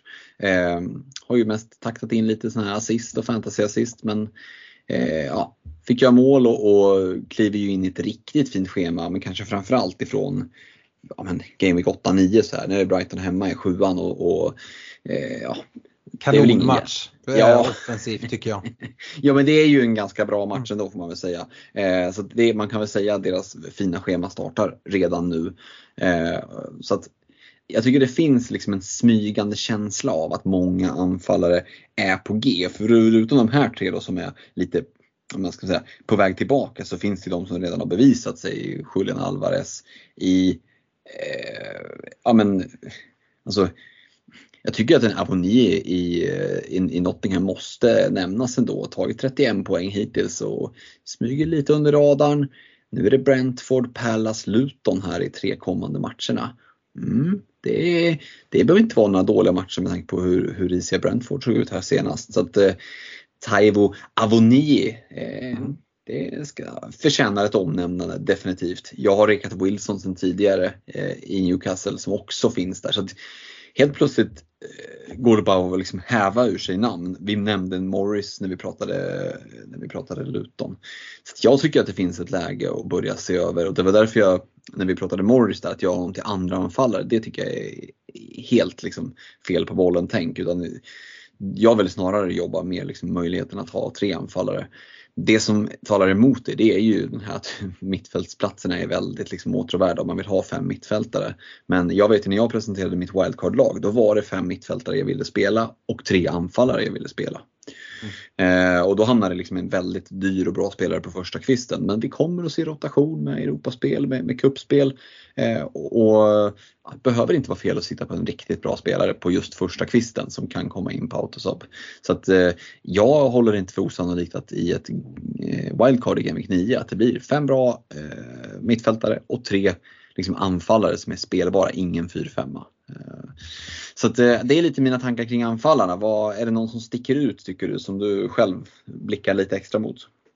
Nej, alltså jag, jag har satt mig nu med Haaland och Alvarez mm. och kommer sitta, sitta där.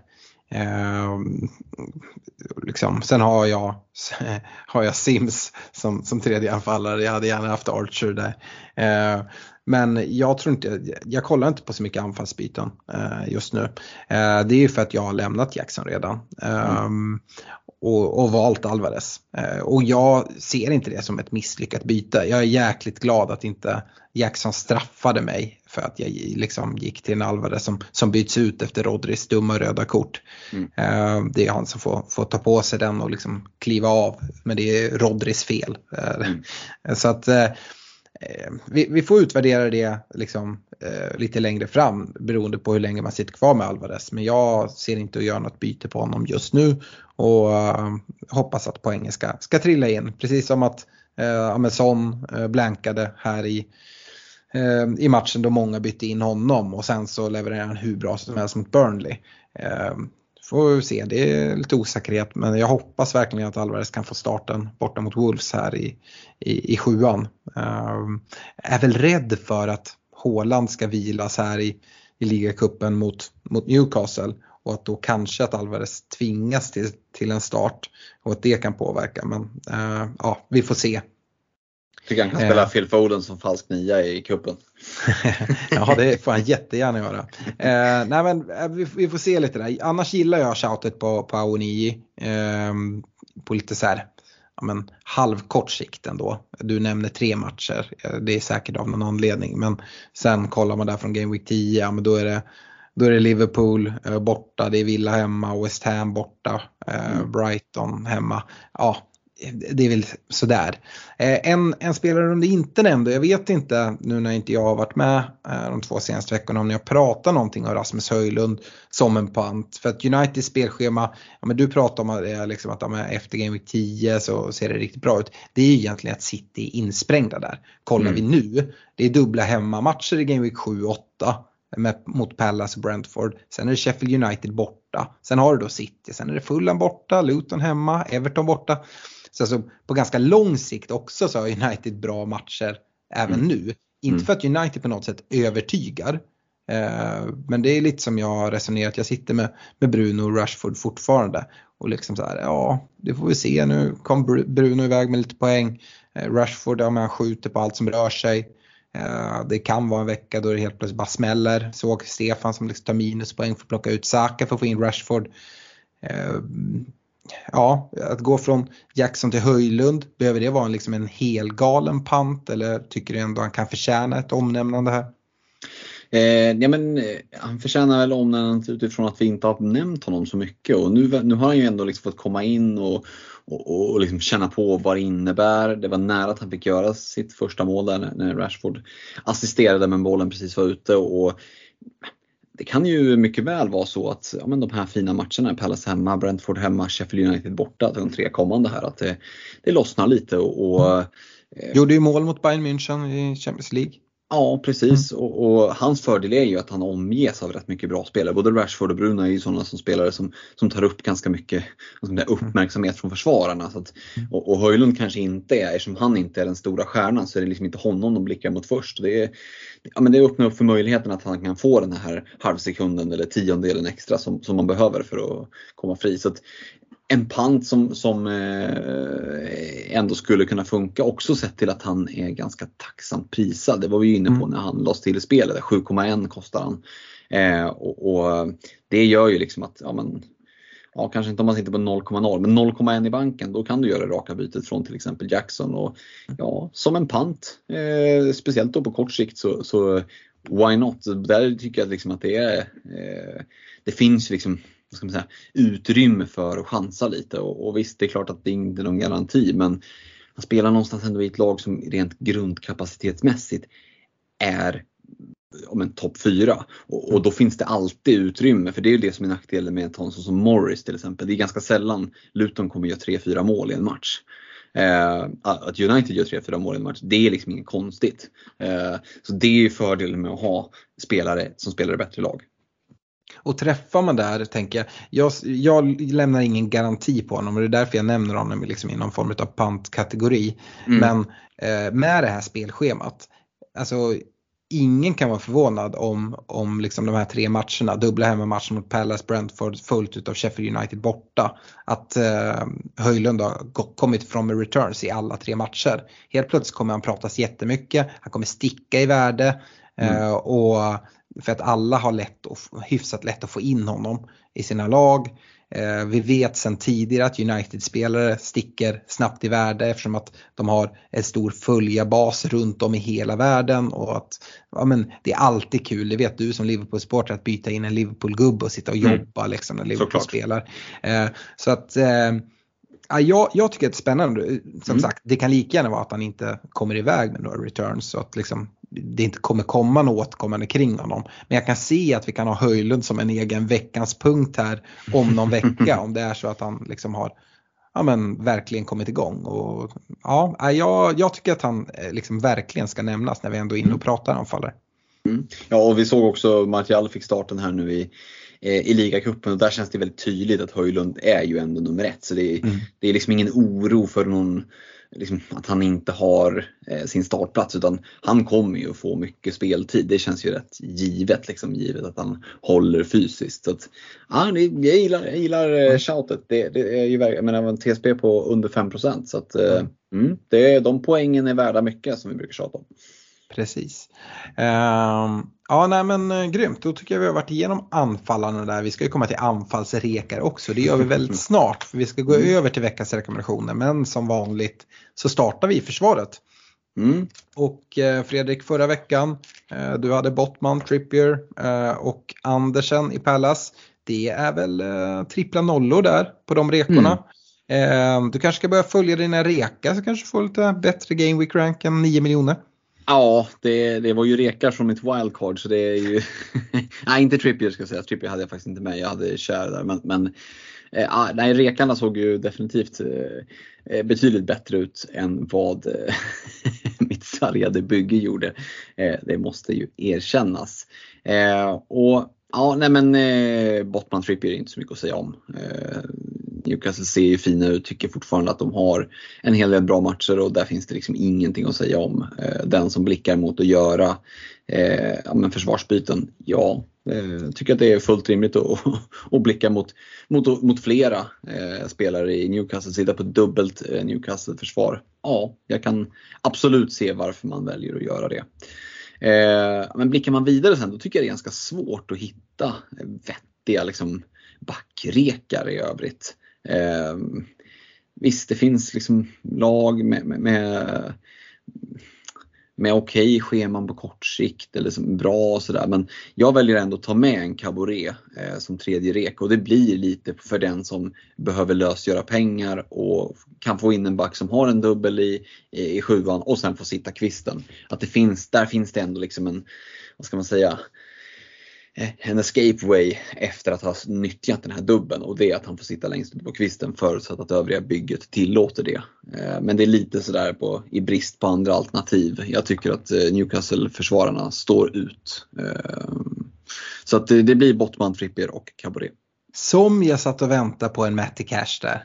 Eh, För jag tycker att det finns en bra anledning att nämna honom. Eh, Mm. Brighton här i Game Week 7, nollan är väl inte så liksom, jättetrolig. eh, Även om det är en hemmamatch. Eh, Men verkar alltså, jag tycker kanske. Villas spelschema nu, är det någon gång man ska kliva på Matt Cash så ja, men varför inte nu? Jag, Mm. jag höjde oro ti- tidigare i, liksom inför säsong på honom om att men kommer han kunna hålla den där platsen? Men i och med skadorna som har dykt upp på, på mittbacksposition då framförallt i form av ehm, Diego Carlos och eh, Tyrone Mings eh, så eh, kan jag inte riktigt se att Konsa skulle gå ut och ta den där högerbacksplatsen. Eh, dessutom så har ju Cash gjort det bra. Så Mm. jag skulle vilja liksom slå ett slag för, för Matty Cash utan att han är med i min rek. så jag, tro, jag, jag, tro, jag trodde verkligen att eh, han skulle komma där eh, när du nämnde. För att Caboret på något sätt tycker känns jäkligt kortsiktigt medan Cash kan man sitta med ganska fint här under en längre tid nu med Villas fina spelschema. Han förtjänar omnämna- omnämnandet helt klart. Absolut. Eh, jag har gjort så här och håll i er nu. Eh, Bottman, Fabian Schär och eh, Trippier. Mm. det är fan inte ofta eh, jag rekar en trippel eh, defensiv i något lag. Men är det någon gång man ska göra det så är det nu och det är i Newcastle. Eh, och så här, jag tror inte att eh, Bottman eh, och Dan Burn och gubbarna kommer komma iväg med offensiva returns i exakt varje match. Det, det tror jag inte. Även om Trippiers liksom, inläggsfot är förbannat fin. Eh, både liksom i öppet spel och på liggande boll. Och det kommer kunna trilla in eh, poäng. Eh, så är det framförallt nollorna jag är ute efter. Jag tycker det finns brist på, på andra superintressanta försvarsspelare det i kombination med att jag inte är trygg med, med Newcastle-offensiven. Så att jag är inte ens orolig för att låsa mig ute från ja, Wilson har du pratat om som rek. Eh, vi kan nämna en eh, Gordon som förvisso bara är en, eh, en eh, ett gult kort ifrån avstängning men nu när Barnes är skadad att han kommer spela mycket och han gör det bra. Eh, absolut, de är intressanta men det är den där trångt om mittfältsplatsen. Eh, Wilson, ja, med speltiden ska delas med, med Isak och när det finns så många fina andra anfallsalternativ som, som inte finns någon oro för delad speltid. Ja, jag, jag, jag gillar verkligen att bara sätta sig i Newcastle försvarsbåten och medan folk sitter och jublar att de får poäng för, sin, för sin, sina Newcastle nollor oavsett om man har en eller två i försvaret så sitter du där och bara käkar poäng och glider förbi dina konkurrenter. Um, ah, som sagt, det är sällan jag gillar det här. Men här tycker jag det finns ett case för det. Eh, också kopplat till, till Newcastles fina spelschema eh, som men, håller men, ganska många gameweeks. Eh, men det är nu man ska gå på det så man kan ha det i liksom, eh, mot Burnley hemma, West Ham borta, Crystal Palace hemma, Wolves borta.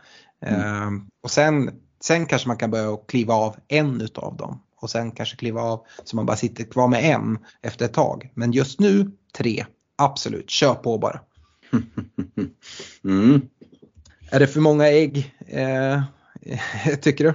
Nej men det är ju ballsy och jag är ju inne på att jag rekar två av dem och att det liksom får skohorna in den, den, eh, den tredje och ja, visst cash förtjänar om den där men, men det, nej, det är så som det ser ut just nu så det, det, som du säger, de, nästan alla sitter ju på en. Så sitter du med en eh, eh, Newcastle back så de poängen är inte värda så mycket. Sitter du med tre, ja då börjar vi helt plötsligt snacka. Men det är klart det är ju surt när de, när de släpper in en boll efter fem minuter. Eh, men eh, de är starka så att, eh, why not? Det är ju ett, ett enkelt sätt att sticka ut med bra spelare. Verkligen. Ehm, går vi över till mittfältet så, så kan jag börja där. Ehm, jag, jag gillar som sagt Villas schema. Cash fick omnämnandet. Här är det inte bara ett omnämnande. Ehm, DVY, perfekt läge att kliva på. Jag har tänkt lite också. Jag rekar inte Salla. Kanske borde göra det. Jag vet att du hade med honom i din rek förra veckan. Jag antar att han inte kommer liksom, försvinna därifrån. Det får vi reda på snart. Mm. Men Eh, ska man ha in honom då kommer man behöva kolla mot spelare i den här priskategorin. Eh, och det vi är för mig nu kanske den mest intressanta i den priskategorin. Eh, jag har även med James Ward-Prowse som också är en sån möjliggörare spelare. Eh, vi pratade om det, Sheffield United hemma här i Game Week 7. Du får inte en bättre match. Speciellt inte om du har den eh, liksom, foten på, på liggande boll mot ett Sheffield United som inte vet hur man försvarar set pieces. Så jag, jag tycker att den här matchen såklart är kanon. Um, men jag tycker även om man kollar på West Ham sen över lite tid såklart Newcastle ligger med kotta men ingen kanonmatch. Men sen framåt, ja, det ser ganska bra ut. Man sitter, kan sitta kvar där med, med James Wood-Prowse ett bra tag. Mm. Um, och då eftersom Salah inte med ska det in någon annan. Och jag kastar in sån. Jag pratar mycket om honom. Uh, i en liksom egen punkt och har väl sagt mycket där. Eh, jag tror att han kan leverera oavsett vad han möter men eh, jag gillar att ta in honom redan nu mot Liverpool. Och sen eh, ja, men just han, för hans del så kanske inte Luton är den absolut bästa matchen. Men det är också ett Luton han ska möta. Eh, och det är en, en match han absolut kan komma iväg med poäng ifrån. Det är inte så att jag, jag räds att äga sån i en sån, sån game week. Det är frågan hur mycket man behöver pinpointa honom just för en sån match. Eh, så det vi James Ward-Prowse och Son är mina tre mittfältsrekar. Eh, och det är tre eh, gubbar som jag vet att du inte hade med i din, din rek eh, förra veckan när du ändå gick på möjliggörare. Då var det Mboemo Esse som fick eh, göra sällskap med Mohamed Salah. Mm, och de eh, Alltså så här, jag skulle ju på ett sätt kunna sitta kvar med alla tre men, men eh, för att liksom hitta lite nya infallsvinklar på det här, ja de, de vinklarna har du redogjort för eh, till stor del.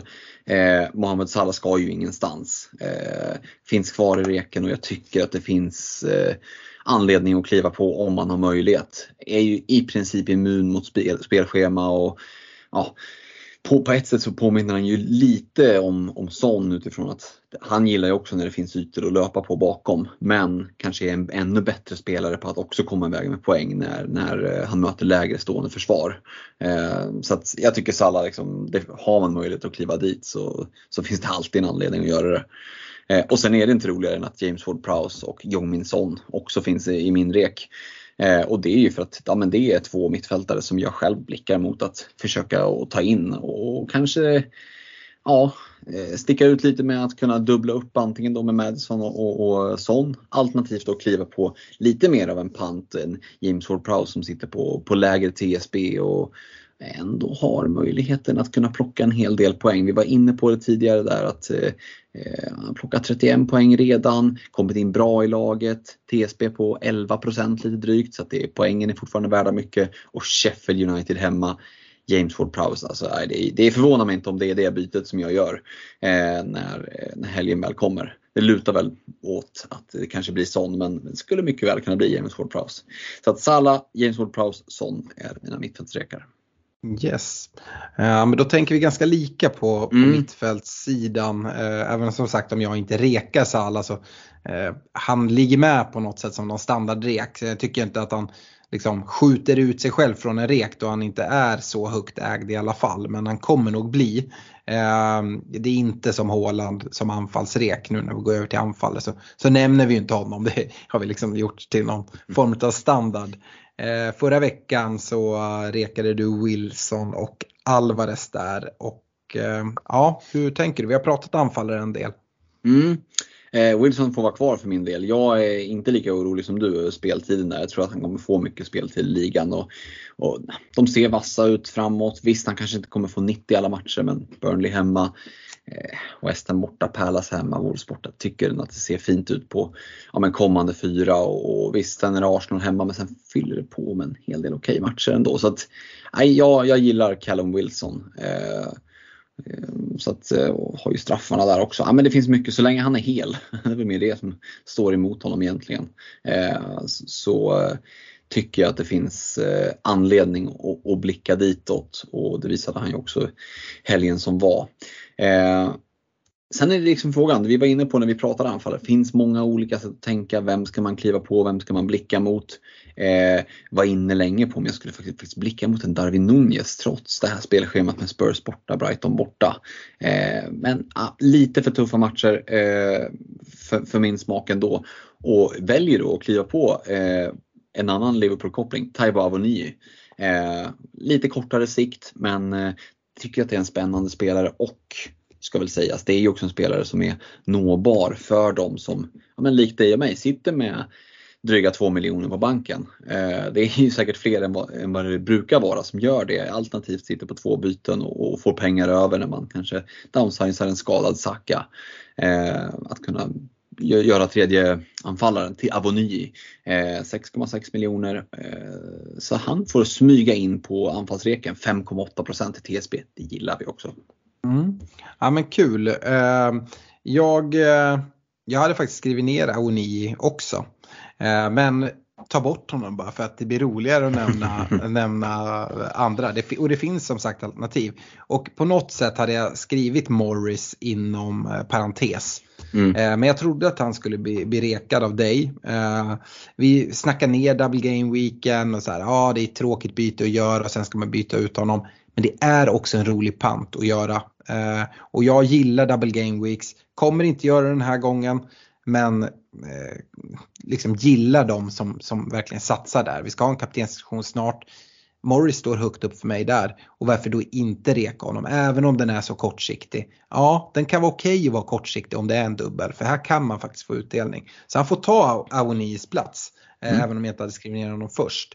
Eh, sen har jag faktiskt med Höjlund också och det är också mm. en så här, eh, ja men, ge, lämnar inga garantier. Jag är tveksam liksom för en spelare som mig som sitter med både Bruno och Rashford att kliva på trippel United-offensiv. Jag vet inte om det är läge för det, men spelschemat är där.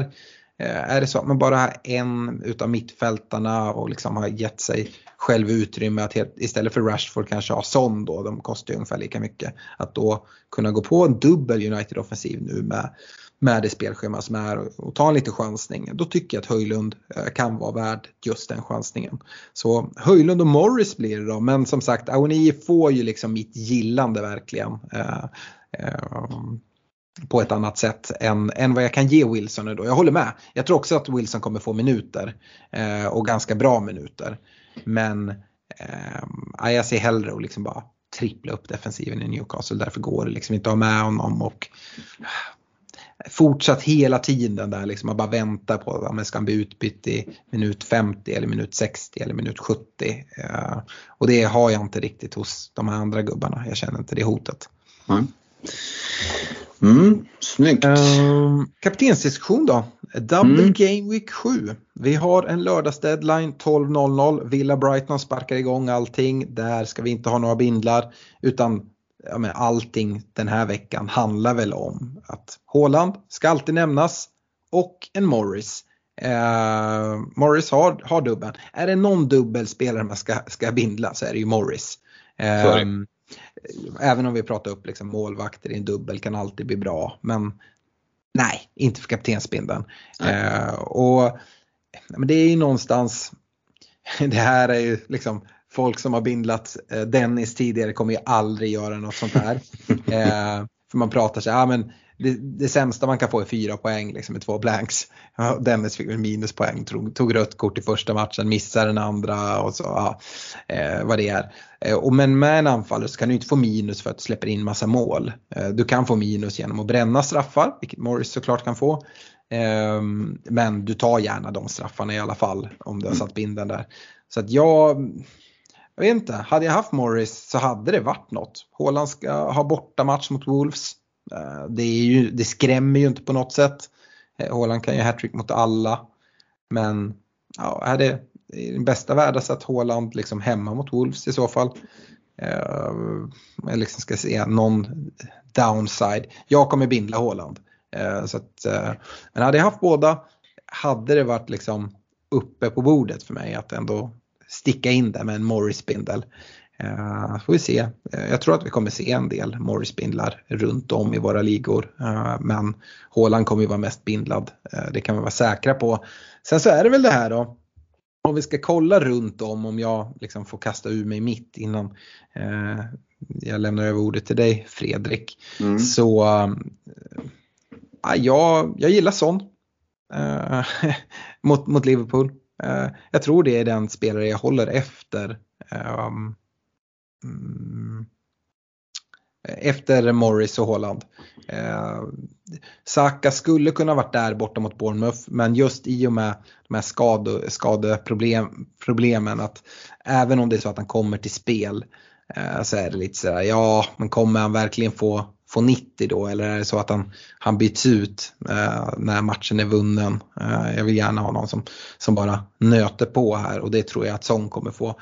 Eh, och jag tycker det är en perfekt match för, för Son. Vi var inne på det tidigare eh, och eh, men som i North London Derby, att man tänker lite fel att det här är en tuff match. Vilka var det mer du nämnde? Eh, nämnde det med att de hade, ja men det är Liverpool när du nämnde mm. Nunez. Mm. Jag, jag, tycker att, att se det som tuffa matcher, att ha dubbla bortamatcher mot Tottenham och Brighton. Ja, det är tuffa matcher för att man kanske inte ser att det är sex poäng. Eh, eller liksom, det är inte på något sätt sex givna poäng i alla fall. Eh, och det är liksom inte läge att liksom hoppa på en Trent om han skulle varit hel. Eh, men liksom Spurs defensiv, ja men hallå.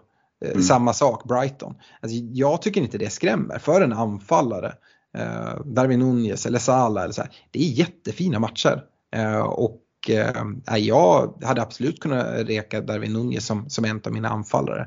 Eh, och nej, jag tycker liksom det, det är bra matcher. Vi, vi såg Saka också, vi såg Son i ett sånt eh, liksom, två liksom, toppsnackade lag möter varandra. Eh, Offensiva spelarna har inga problem alls att spela dem när de, när de möter varandra eller att det är tuffa matcher. Vi såg det tidigare när Arsenal och United mötte varandra också, att det, de kommer iväg med poäng. Liksom. Mm, ja men så är det ju. Eh, sen är det klart bortaplan. Eh, mm. Vad händer om man leder? Kommer man att försöka tajta till det lite mer då? Eh, det är väl det som är att som är lite oron där om, om, om mm. man bortser från supporterskap bara tänker att om jag sitter på Darwin Nunez och så, så gör man 1-0 och får in en 2-0 då är ju risken att han kanske snarare då får kliva av och man sätter in en Gapko som, som kan mm. Eh, pressa lite bättre och sådär. Lite mm. orolig för, för speltiden där för, för Nunez eh, eh, mot just ett Spurs. Liksom. Eh, mm. Men samtidigt så som, som du säger, det, det, de Spurs har ju fokus framåt så det kommer ju finnas, det kommer finnas ytor att springa på för uruguayanen. Mm. Eh, men här är vi ju, för mig i alla fall, i en vecka där det finns liksom, du har Haaland och sen utöver honom har du en jäkla massa olika shouts för den som är brave. Eh, och ja, alltså det är klart att Morris med sin dubbel måste nämnas eh, som det kanske främsta alternativet. Men är man så liksom, ja men man har bestämt sig för att inte bindla Håland, då tycker jag det kan, man kan binda sån. Eh, det, det, är liksom, ja. eh, Son Morris, ja det jag hade fan lika kunnat bindlat Callum Wilson om det är så mot ett, hemma mot ett Burnley liksom. Mm. Eh, James Ford Prowse, nej så långt kanske vi inte ska gå. Eh, men, men eh, väljer man att kliva från Håland så tycker, då tycker jag att det finns rätt många liksom så här Eh, lika knasiga alternativ. Eh, kanske ändå att jag tycker att Jong Min Son hemma mot Liverpool är det, det mest i kvällsmatch också, gillar man ju. Eh, mest spännande alternativet eh, rent objektivt vid sidan av Håland. Men det är också lätt att börja liksom blicka bort från Håland och sen så gör han sina två baljer och tar tre bonus och så är det inte så jävla kul längre. Eh, och har suttit med en annan bindel. Men eh, jag vet inte, Wolves borta, får han, får han 75 plus i minuter? Det borde han väl få? Eh, ja, vi får väl se lite hur de tar sig an ligacupmatchen här eh, mm. mot Newcastle. Men jag räknar med att Håland inte startar. Kan det vara så att Alvarez startar, att Håland kommer in och byter av honom eh, och får några minuter för att man vill ha båda hyfsat fräscha mot Wolves eller få en hel vilan. Ja, vi får se.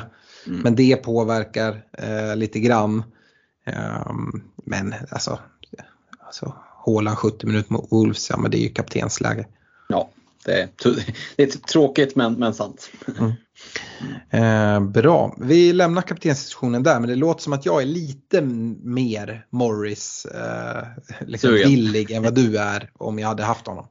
Ja, nej men det är, så är det. Men jag vet att du, du har ju en, en soft spot för, för WGMX.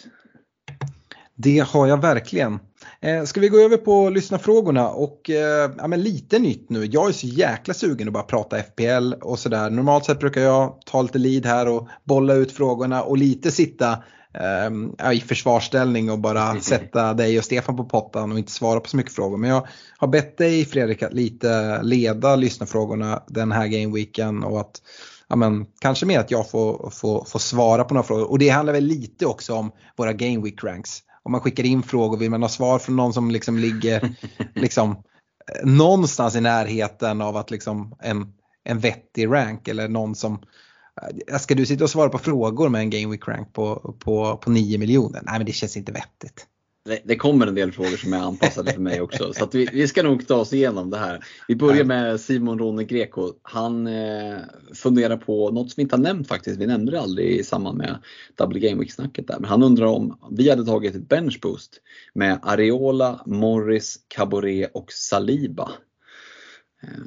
på bänken och då är frågan att han inte skulle spela Morris känns väl lite, man ska ju vara ärlig med ett benchboost säger också att benchboost ska ju vara liksom det ska ju vara det ärliga laget. Du kan ju, kan ju dopa ett benchboost genom att sätta ut massa bra spelare på bänken. Men jag ja, menar, vad fan har han för, för eh, två andra anfallare som ska gå före? Jag gissar att han har typ Alvarez och Haaland.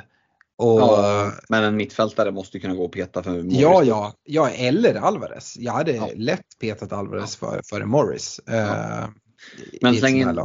Nu har vi inte Simons lag framför oss, men släng in. Alvarez för, för skojs skull. Ariola, Alvarez, Caboret, Saliba. Är det bench boost läge tycker du? Mm, ja, det kan det väl vara. Eh, jag är liksom rätt öppen för att bara trycka av den när man har en liksom vettig. Och det är många spelare som, som många sitter på som har bra matcher den här veckan. Mm. Eh, så jag, jag tror att det är flera ska sitta i ett sånt läge, lite så här bänkningsproblem. Um, sen får man väl se lite högt ägda spelare som till exempel Saka och Madison, de är gulflaggade just nu. Jag vet jag inte om han har dem i sitt lag. Men de hade man ju gärna liksom mm, fått klartecken på att de spelar om man ska dra en benchboost. Mm. Ehm, så där får man väl invänta lite. Ehm, annars får man klartecken på det, ja men kör då. Mm. Eh, och då skulle man till och med kunna liksom unna sig en transfer som man kanske inte hade gjort annars och byta in en double game week målvakt. Ta en liten chansning. Ja, för jag tänker att det måste nästan sitta en sån. Om sätter man Ar- Ariola på bänken med, med den här hemmamatchen hemma mot Sheffield United, då, då lär man nästan ha en double game week målvakt på i elvan. Eh, Mm. Annars tycker jag nog att det här benchboostet det är lite dopat sådär. Så, för går ni i benchboost-tankar, var ärliga mot er själva just att liksom, är det här verkligen den bänken som jag hade haft eh, om jag inte hade dragit benchboost? För att annars så, eh, dopade benchboost gillar vi inte. Nej, verkligen inte. Sätt, Ja. sätt i ordning det och sätt bänken som, som du hade tagit ut. Mm. Christian Granberg, han eh, undrar också över en spelare som, som vi inte har nämnt i det här avsnittet. Jo, jag kanske nämnde honom i början där i någon besvikelse. Han undrar om man, om man vågar sitta kvar med Sterling i lagbygget. Mom deserves the best, and there's no better place to shop for Mother's Day than Whole Foods Market. They're your destination for unbeatable savings, from premium gifts to show-stopping flowers and irresistible desserts. Start by saving 33% with Prime on all body care and candles. Then get a 15-stem bunch of tulips for just $9.99 each with Prime. Round out Mom's menu with festive rosé, irresistible berry chantilly cake, and more special treats. Come celebrate Mother's Day at Whole Foods Market. Hiring for your small business? If you're not looking for professionals on LinkedIn, you're looking in the wrong place. That's like looking for your car keys in a fish tank. LinkedIn helps you hire professionals you can't find anywhere else, even those who aren't actively searching for a new job but might be open to the perfect role. In a given month, over 70% of LinkedIn users don't even visit other leading job sites. So start looking in the right place. With LinkedIn, you can hire professionals like a professional. Post your free job on linkedin.com/people slash people today.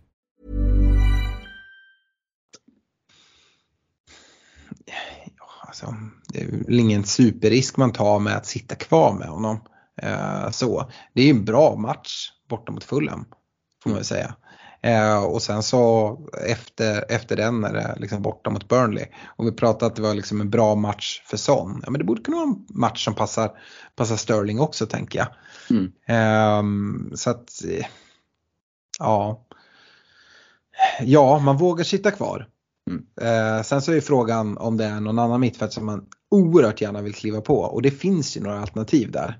Och jag hade inte liksom varit helt främmande från att sälja honom för att eh, det är ju egentligen Ett byte, Mm, full-.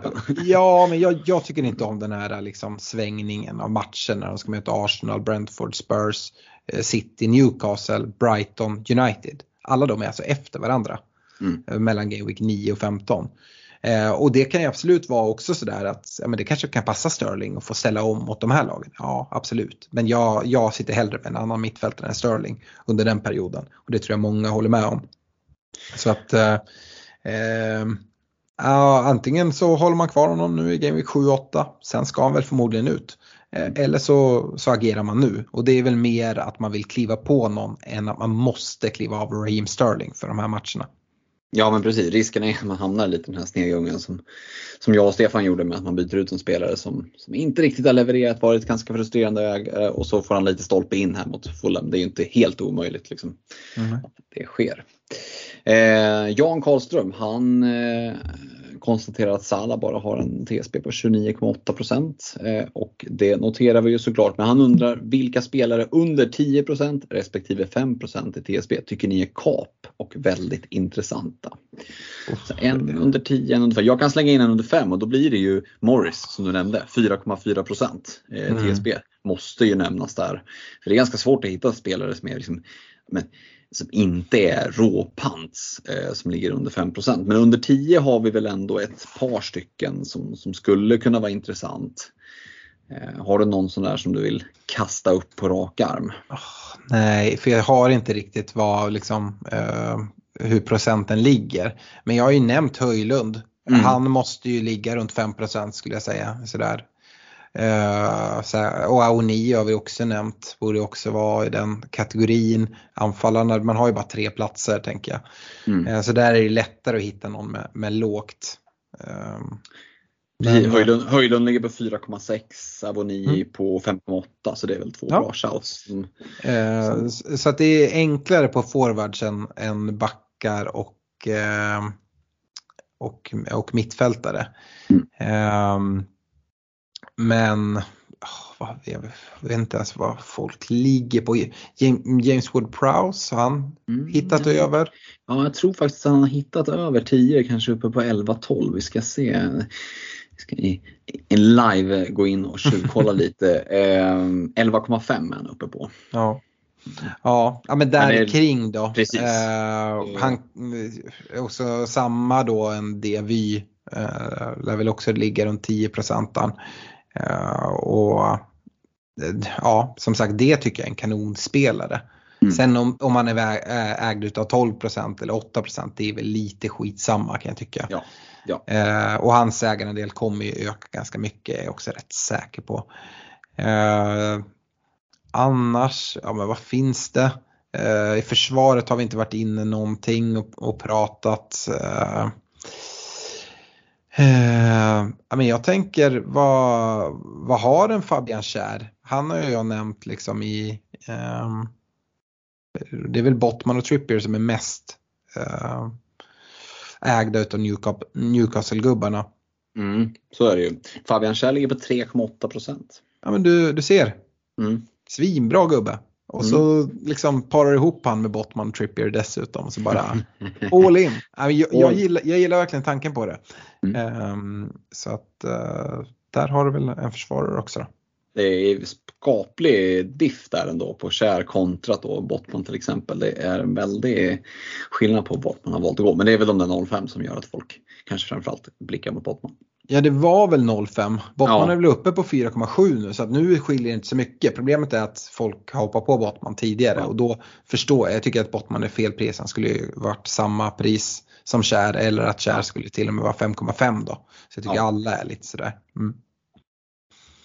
Eh, Jesper Seger, en av våra patrons, han eh, skriver så här. Om man ska få in en utav dem, vem skulle ni prioritera? Son eller Sala? Lägg gärna in prisskillnaden som en parameter. Du var inne på det mm. lite i Son-segmentet där. Vad blir det korta svaret då? Son eller Sala? Alltså det är ju det är så jäkla svårt tycker jag. Eh, och där måste man faktiskt kolla lite på, är det, är det ett WC eller är det i, liksom, utan WC? Eh, för att det påverkar också. För tar man då in Salah så är det lättare i ett, eh, i ett WC att eh, trycka in och ändå få ett bygge som blir riktigt bra. Det krävs att du har tänkt på det ganska länge för att i mitt fall liksom kunna få in och ändå ha ett rätt okej okay lag. Um, sån är mycket lättare. Uh, det är ju liksom ett rakt byte för många. Det, man sitter med någon 8,5 eller Rashford eller sådär som man bara kan, kan växla över ganska enkelt. Uh, ja, men jag, jag vet inte. Jag satt och kollade på det där att liksom, ja men Hålands matcher blir lite tuffare, man kanske ska kliva på eh, Sala och liksom utmana med binden. Samtidigt sitter jag där så när ska jag gå emot honom då? Eh, alltså Arsenal borta i Game Week 8, ja, men då kommer jag, ha, kommer jag ha fått in Sala så tidigt. I så fall, ja kanske Brighton borta då. För jag tycker den matchen är bättre. Eh, men när, när Liverpool har Everton hemma i nian, ja men då har City Brighton hemma. Och jag Mm. gillar inte Brighton-defensiven. Och sen kommer ju liksom den här klassiska Game Week 10, ja Haaland borta mot United, där kan han väl inte göra det bra, det har han väl inte gjort tidigare. Och så har Liverpool Forest hemma som såklart ser jättefint ut. Men, Mm. alltså, ja, jag, jag vet inte fan. Jag, jag, jag tror jag lutar mot, uh, för egen del, att jag kommer uh, köra utan, utan sån och, Mm. och gå mot Salah. Det, det är känslan just nu. Men, hmm, alltså jag, Uh, nej Jesper, jag, jag vet att du är en jäkligt duktig FBL-manager så, så gå, på, gå på magkänslan där som du har.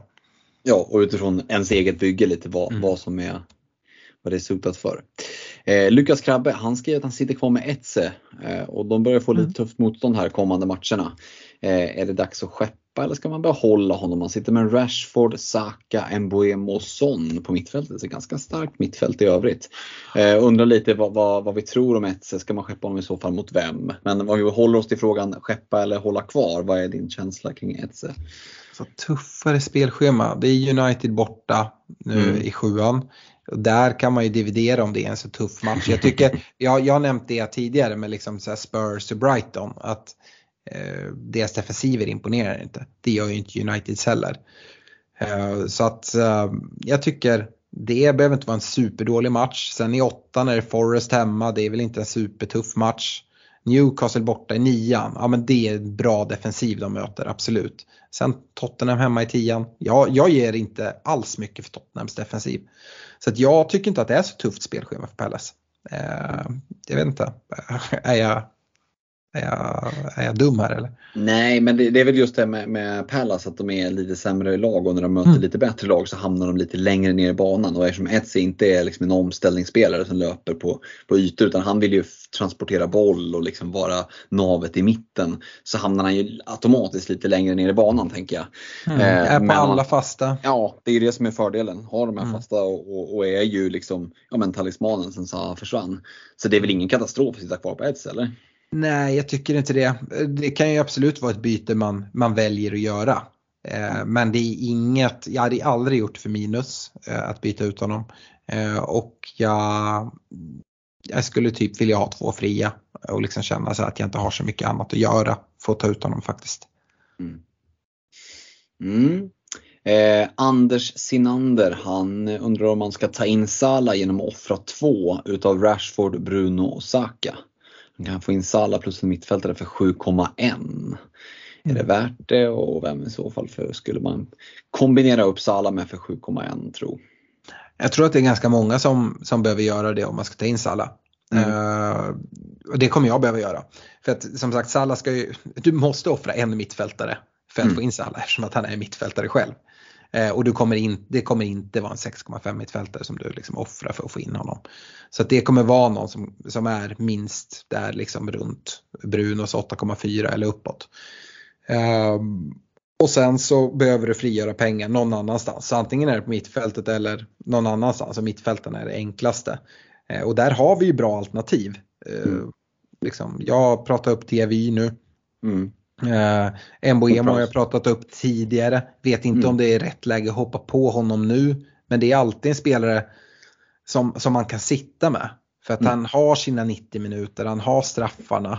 Eh, så att han kan man ha.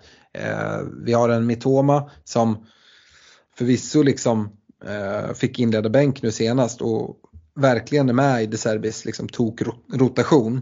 Men ja, han kommer in från bänken, gör, stänker väl in två va? Mm. Ja, han gör ju mål direkt typ det första han gör.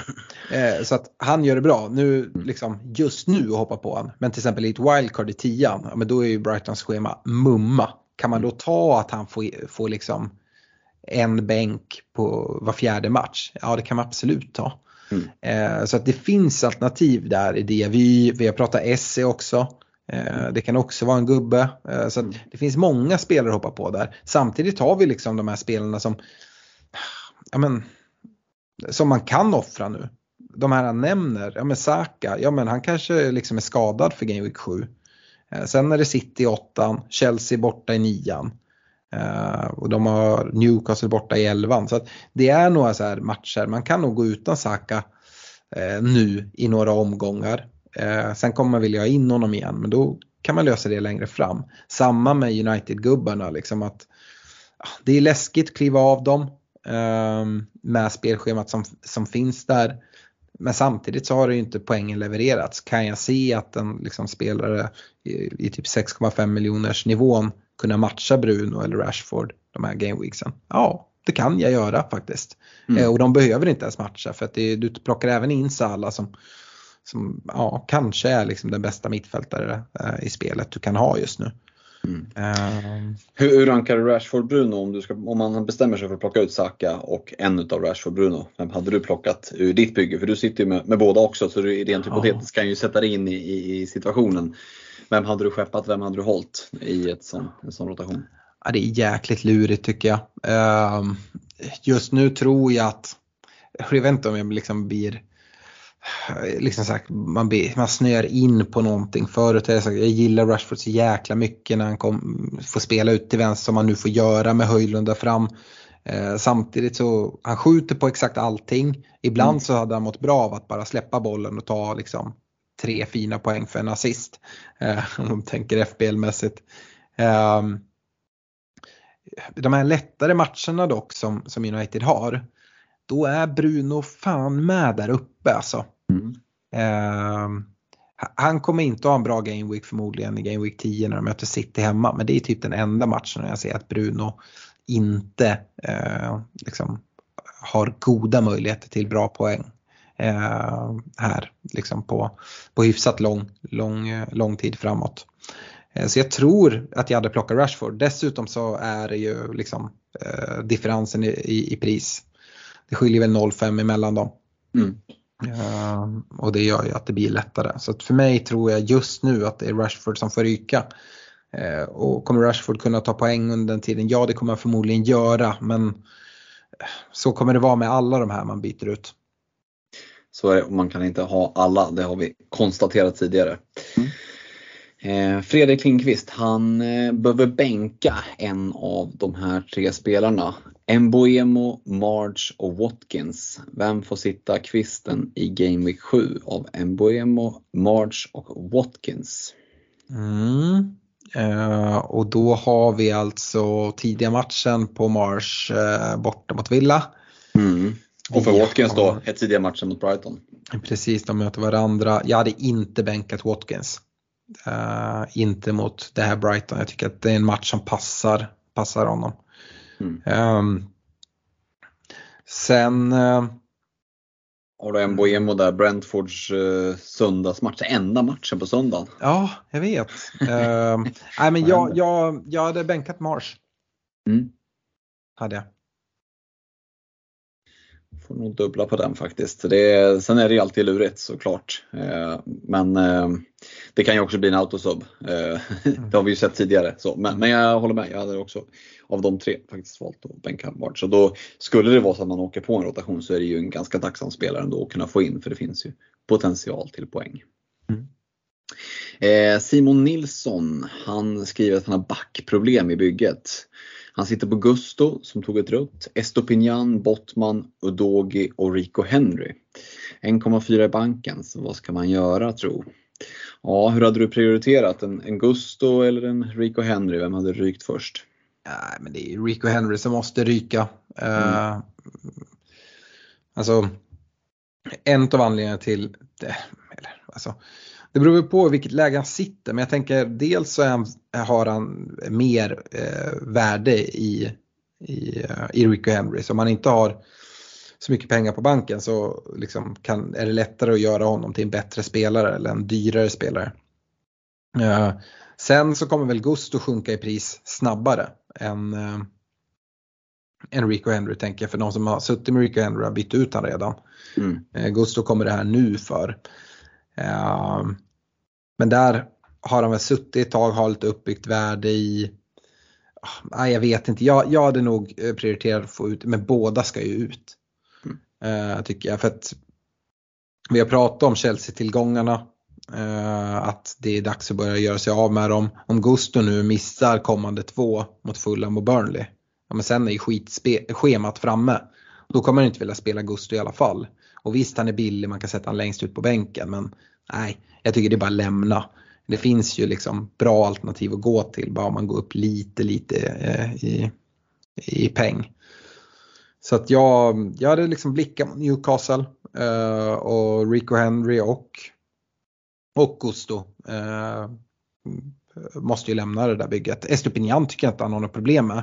Den här veckan är det ju liksom eh, en helt okej okay match spelar honom. Mm. Sen är det Liverpool City 8-9 som liksom, ja, då får han väl sitta bänk eller måste man spela honom så är det inte hela världen. Sen är ju Brightons spelschema kanon. Och då kommer mm. alla vilja ha Estupinian så de som har gjort sig av med honom måste ändå typ göra ett byte där skulle jag säga. Så att där, där, det är inte en problemspelare att sitta med just nu. Nej, för det är också en sån ganska skön gubbe att kunna ha på första kvisten. Ja. Det är inte så att han tar 17 poäng men, men alltså rent innan vi vet slutresultaten så är det en spelare som visst har han ingen supermatch då kan han hamna, hamna första kvisten. Det finns alltid potential till, till offensiv return till exempel. Eh, mm. om man kommer in på en autosub. Mm. Vi får lite uppmuntrande ord från både Mattias Oret Olofsson, Vetter och Fritiof Dahlin att de tackar för en bra podd. Och då skickar vi tillbaka tacket. Tack för att ni lyssnar. Det, det gör oss så här barnsligt glada när vi ser statistiken att ni är många som, som lyssnar på, på oss när vi sitter och pratar om Fantasy Premier League. Det är smått overkligt. Det, det kan vi nästan stanna till en, en kort, kort sekund vid Alex. Att det har vuxit så mycket, inte bara liksom lyssnare, communityt. Eh, du och Stefan var ju med i en väldigt fin eh, ett fint reportage i, i, eh, i Sala Allehanda, eller hur? Ja, eh, jättekul. Både jag och Stefan är ju, är ju västmanlänningar eh, och ja, men, lokaltidningen där eh, gjorde vi en grej med. Jättekul, fick ju fick ett uppslag eh, där vi träffade en reporter i Vasaparken och ja, hade ett gött samtal och pratade, pratade om podden och eh, ja, vad den betyder för oss och eh, hur kul vi tycker det är. Så jätteroligt, absolut. Och mm. det är ju bara ett stort tack till alla, alla som lyssnar och, och tycker att det är, är, är något att ha i öronen. Ja och återigen stort tack till alla er som engagerar er i vårt community och är ni inte där än, kom in. Det är eh, ett riktigt härligt ställe att vara på. Även om man liksom inte bara grottar ner sig, nördar ner sig i, i allt liksom FPL-kaninhålet, för det kan ju bli rätt djupt så brukar vi säga att bara att ha en sån, ja, men nu till lördag när det är väldigt mycket matcher, sitta själv hemma och kolla fotboll, ha den där Messenger-tråden. Det är ju som att sitta och liksom kunna snacka med, med ett par hundra polare samtidigt. Alltid någon där inne som även under match sitter och, och håller tugget igång. Så det gillar vi. Stort tack till Mattias och Fritiof och ni ska såklart få svar på era frågor också. Mattias han undrar om Harvey Barnes, han blir ju borta här ett par månader. Är Anthony Gordon ett alternativ nu när han Eh, ja, men när de har ett bra schema. Och då vill vi kasta in där att Gordon står på fyra gula. Hur, hur mycket påverkar det eh, din bedömning av Anthony Gordon som ett FPL-alternativ just nu? Ja men det påverkar. Eh, det gör det absolut. Eh, hade han slått på, på noll gula hade han ju liksom verkligen varit något att kika mot med det här spelschemat de har. Mm. Sen så har vi varit med om det tidigare, att man drar sig för att gå till en gubbe för att han sitter med liksom en, ett gult ifrån avstängning. Precis som jag sa att liksom Pochettino borde liksom ta, ta Jackson i örat så kan man ju tänka sig att eh, det är kanske något liknande Eddie Howe gör att mm. ja, nu får du tänka till lite. Du kan inte liksom dra på dig gula i den här takt du gör. Um, sen får vi se om Gordon liksom har hjärna nog att liksom lyssna på det. Men um, han kommer ju få mycket speltid nu. Eh, och Newcastle har bra matcher. Eh, jag gillar ju att satsa på defensiven men det kan man ju göra dubbelt och sen gå på en offensiv gubbe. Och Gordon skulle kunna vara en. Det enda som är emot det som sagt är andra mittfältare men nu om man då ska få in Salah så är det en möjliggörare i pris. Um, kostar väl 5,6 tror jag. Mm, mm. Och, äh, jag, äh, jag, jag har inget emot att, att, att ta en chansning där som sagt, det är ju en match avstängning som man får liksom mm. övervintra honom på bänken i så fall och, och, ja, det är väl vad det är i så fall. Eh, Fritiof där då, han, hans fråga det var att han gjorde precis som jag, han gick på niten att byta ut Foden och tog in Alvarez förra rundan. Och han undrar vilken spelare vi tror eh, den här rundan kommer bli den som folk byter ut och som ändå kommer att kamma hem bra med pinnar. Eh, vad har du för feeling? Vem kommer att vara den där som folk byter ut den här veckan och som kommer att, att skåra tvåsiffrigt? Jag går snabbt in och bara kollar på vilka som byts ut nu. uh, nej, men för det, det är väl det man får kika mot. Många byter ut Chilwell tycker jag folk gör helt rätt i. Men det är ju en spelare som också skulle kunna komma iväg med poäng. Mm. Uh, annars är ju uh, Rashford den mittfält som byts ut av allra flest. utöver Rodri då som är avstängd. Mm. och ja, Rashford har poäng i sig. Alltså som sagt han skjuter på allt. Och det kan man hata ibland som United-supporter. Men som FBL-alternativ när han skjuter på allt, helt plötsligt studsar grejerna in. Och vi vet att Rashford har ju ett sånt avslut som lätt han bara kan borra sig in på liksom så här XG-siffrorna är inte så jävla viktiga men hans häxpipor utanför straffområdet. Ja, det är inte ofta de har så högt XG-värde. Däremot så, ja, man blir inte förvånad när de letar sig in i nät. Och det skulle absolut kunna vara en sån spelare som, som gör en hel del poäng i Game Week 7. Eh, skulle väl också vilja kasta in en, vet jag inte hur många som, som sitter på honom fortfarande. Sådär. Uh, men eftersom folk har massa mittfältare man vill gå till så i samma priskategori där som, som Rashford så har vi en Martin Ödegård. Uh, ehm, och som mycket väl skulle kom, kunna komma iväg med, med bra poäng här mot Bournemouth. Sen hur många som byter ut honom, jag, jag vet inte. Mm. Mm, det återstår att se vem det är som folk kommer att slita sitt hår, sitt hår för att de eh, skickade. Adam Widekrans, han eh, skriver att han kan tänka, han tänka sig att det är fler än han som har svårt att få in Salah i bygget. Om vi måste re reka en annan offensiv spelare i Liverpool, vem blir det då? Ja, det är ju egentligen en fråga till dig. Uh, ja, men du får börja svara så ska jag ge mitt svar efteråt. Ja, nej, jag, jag tycker så här. Det finns först och främst ingen spelare i Liverpool du kan täcka Salah med. Det är någonting jag tror man bara får acceptera. Utan det du gör det är att du tar in en annan Liverpool-spelare för deras fina spelschema. Eh, och sen så har du andra spelare som är bättre än spelarna, förhoppningsvis bättre än spelarna som, som folk blir tvungna att ta för att ha råd med Salah. Um, och så att den här täckningen, den tycker jag funkar när man pratar defensiv ibland. Men offensivt, äh, men då, då finns det ingen täckning. Eh, finns det andra offensiva alternativ i Liverpool? Ja, det finns det. Eh, och eh, alltså, jag tycker Darwin Nunez är ganska fin. Eh, mycket för att han inte tar upp en mittfältsplats. Eh, och, kanske skulle vilja nämna honom där. Sen finns det ju andra alternativ. Både i Soboslaj som jag tycker eh, är eh, en riktig jäkla klassvärvning som Liverpool har gjort tyvärr. Och sen så, sen så din, din kelgris Diaz där ute på kanten mm. är ju också ett alternativ om man ändå vill gå på en mittfältare. Men jag tycker nog att om man inte går på Salah då är det hellre gått på Darwin Nunez som ändå är en anfallare och så liksom fokusera mina mittfältsplatser på, på andra. Mm jag ska ju säga det att eh, när vi gick igenom våra lagbyggen där i början, hur, hur tar man sig igenom det här när, när man har en så fruktansvärt dålig vecka som jag hade? Ja, men det finns ju de som tröstäter, de som tröstdricker och så sådana som jag som tröstköper fotbollströjor. Eh, årets hemmatröja med Soboslaj nummer 8 på ryggen kändes ju givet så att det gillar ju att du kastar ut dig eh, hans namn. Eh, värmer ju lite extra i ett sargat FPL-hjärta. Eh, och nej, men han eh, får ju ta en hel del hörnor och har ett jävla tillslag på bollen alltså. Mm. Eh, sen har han ju varit typ Liverpools bästa spelare i nästan varje match. Eh, det gör ju inte saken sämre för det gör ju att han får spela väldigt, väldigt mycket. Mm. Eh, så jag tycker Soboslaj är en rolig shout. Sen är det väl någonstans så att jag håller Darwin Nunez som, som klart tvåa ändå. Mm. utifrån att det, konkurrensen på mittfältet är så pass stor. och, och jag tycker om att ja, men jag ser det som en möjlighet att dubbla upp Liverpool-poängen. Att liksom verkligen kliva ifrån när man, när man hittar träffen på, på eh, Liverpool-offensiven, vilket känslan är att den, den, den, kan komma ganska ofta. Då sitta med både Nunez och Salah, men det kan ge ganska fina poäng som, som inte alla får ta del av. Mm, men håll med mig att liksom Darwin, Diaz, Soboslaj eller någon nej, inget, annan, ja, ingen nej, täcker Salah. Nej, nej, nej, nej, nej, så är det ju. Verkligen inte. Det, det är ju andra, och då, det är ju bara att titta på hur de är prisade så, så säger det sig självt tänkte jag säga. Eh, Gustav Johansson, han eh, skriver att Chilwell till Trippier och sen ska Sterling ut. Eh, så han har väl redan då bankat ett byte där, att Chilwell ska bli Trippier.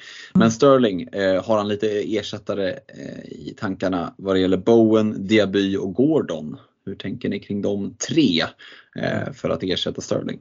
Ja, jag gillar Diaby mest utav de tre. Mm. Eh, och eh, det är också så här, eh, jag tycker att det är, det är bra matcher på både kort och relativt lång sikt. Newcastle har också bra matcher. Där har du liksom nedsidan med de här fyra varningarna. Och jag tycker inte det ska avskräcka en men de andra alternativen då har ju inte det hotet. och då blir det bättre. med West Ham så ja, jag tycker att spelschemat ser, ser helt okej okay ut där men jag gillar Villas mer och jag gillar, jag gillar det vi mer där. Uh, så det, det är nog mitt svar. Mm. Eh, jag tycker att Bowen är spännande också. Nu tycker jag nästan att Ward Prowse är, är mer intressant just för den här fina matchen mot Sheffield United. Men, men ja, Bowen har ju levererat sådär lite i, i eh, ja, men lite under radarn ändå. Mm. Eh, tar ju straffarna och ja, men har, är ju lite av talismanen någonstans ändå i, i ett men, svårbedömt West Ham alltså. Tar han straffarna då? Ja men det gör han väl eller? Det tror jag inte. Tror du inte det? Nej. Fan, det, han var Paketa väl, eller? Paketa tog ju dem när Bowen ja. var på plan. Ja det kanske han gjorde. Ja och um, då var inte James Ward-Prowse på plan. Inte Ben Rama heller. Jag tror mm. att båda de uh, går före Bowen. Eh, och sen är frågan om James Ward-Prowse kan blanda sig i, alltså om han är på plan. Eh, jag, jag, jag, jag tror inte att Bowen tar straffarna. Mm. Det är lika svårbedömt som laget då, vem som, vem som får kny knycka bollen.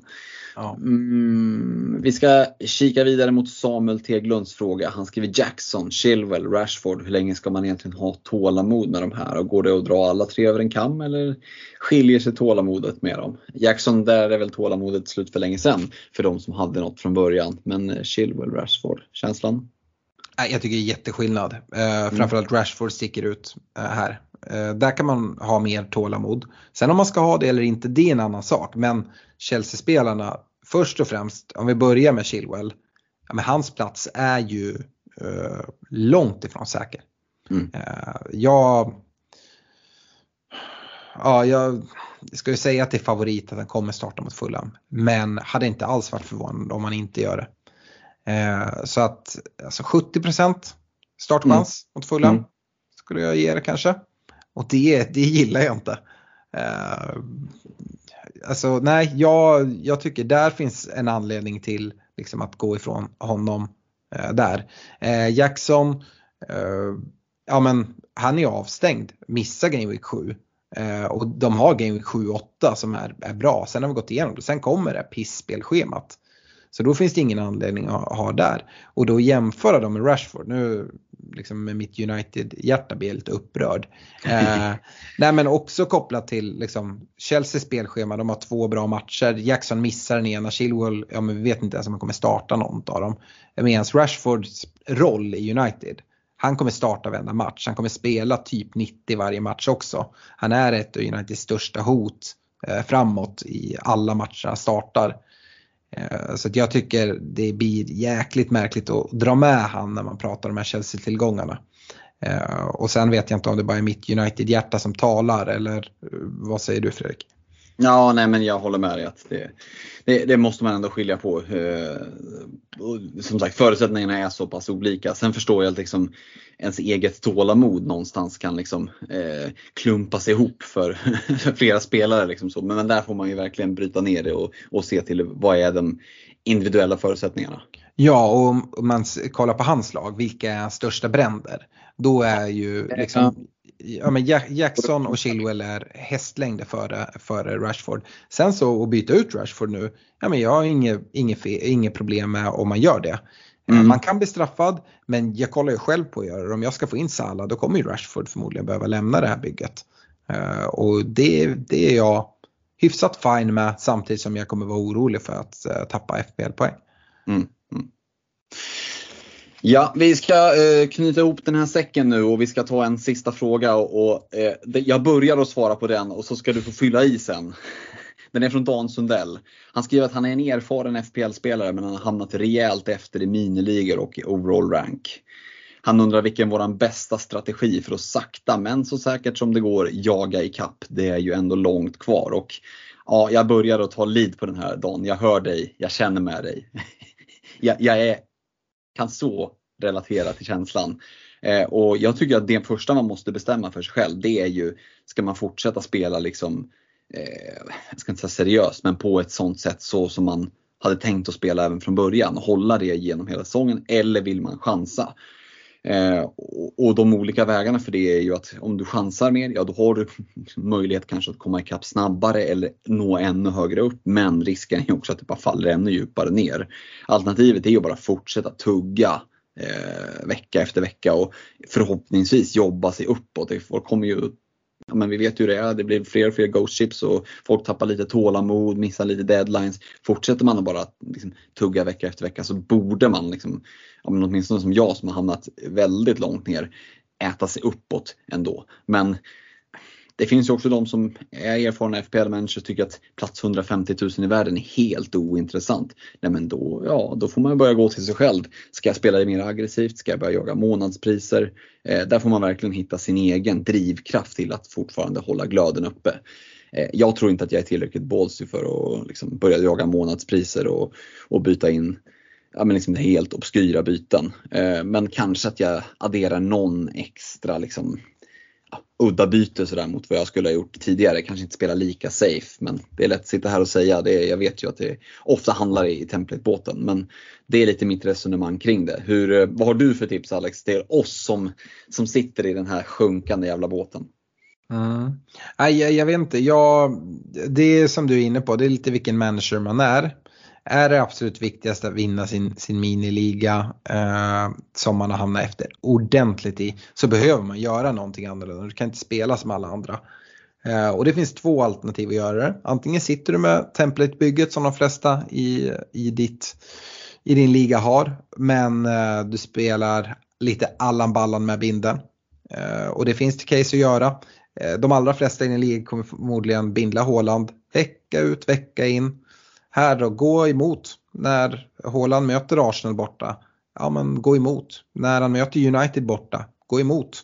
Uh, och, liksom, och i fler matcher än, än vad andra kommer göra att gå där emot. Uh, alternativt så, så spelar man liksom auto capen på Håland fortsatt och då behöver man sticka ut med bygget på ett annat sätt. Mm. Uh, inte på alla gubbar såklart. Men det räcker inte att ha en eller två då. Det behöver vara ganska många. Och det blir alldeles för mycket vilda västern för mig. Um, så att jag, jag är väl den här liksom tråkiga, tråkiga jäkeln och tror att jag kommer kanske inte vinna min miniliga på det. Men jag kommer käka ikapp väldigt många av konkurrenterna i miniligan genom att bara göra kloka val eh, över 38 omgångar. Och ibland blir utfallet dåligt men valen har varit rätt vettiga. Ehm, och sen bara lita på att det är liksom folk som gör bort sig och gör knasiga val som där inte utfallet går stolpe in vecka efter vecka. Ehm, så hade nog jag liksom bara jobbat på. Det kommer man inte etta i världen på. Men det kanske kan vara okej okay ändå. Ehm, du kanske inte ens kommer etta i en miniliga. Är det något jag hade gjort eh, för att liksom attackera på ett annat sätt, då har jag spelat mitt hyfsat templatebygge. Kanske ta någon lite liksom kalkylerad risk på, på någon gubbe mer än vad jag annars gör. Och sen ja, men våga ta lite mer risker med binden. Mm. Jag tycker Citys spelschema blir alltså lite tuffare ändå nu här. Eh, och då, då kan man ta lite chansningar. Um, och som sagt man kan bli superstraffad av det. Och där måste man gå till sig själv. Hur reagerar du då? Är det så att när du går emot eh, Haaland-binden och alla andra i din liga har den och det skiter sig. Kommer du sluta spela då? Ja men då kanske du inte liksom ska göra det. Eh, för då är risken ganska stor att du kommer sluta spela ganska snart eh, om man gör det i några liksom, game weeks. Mm, så ja, det är väl typ det. Mm.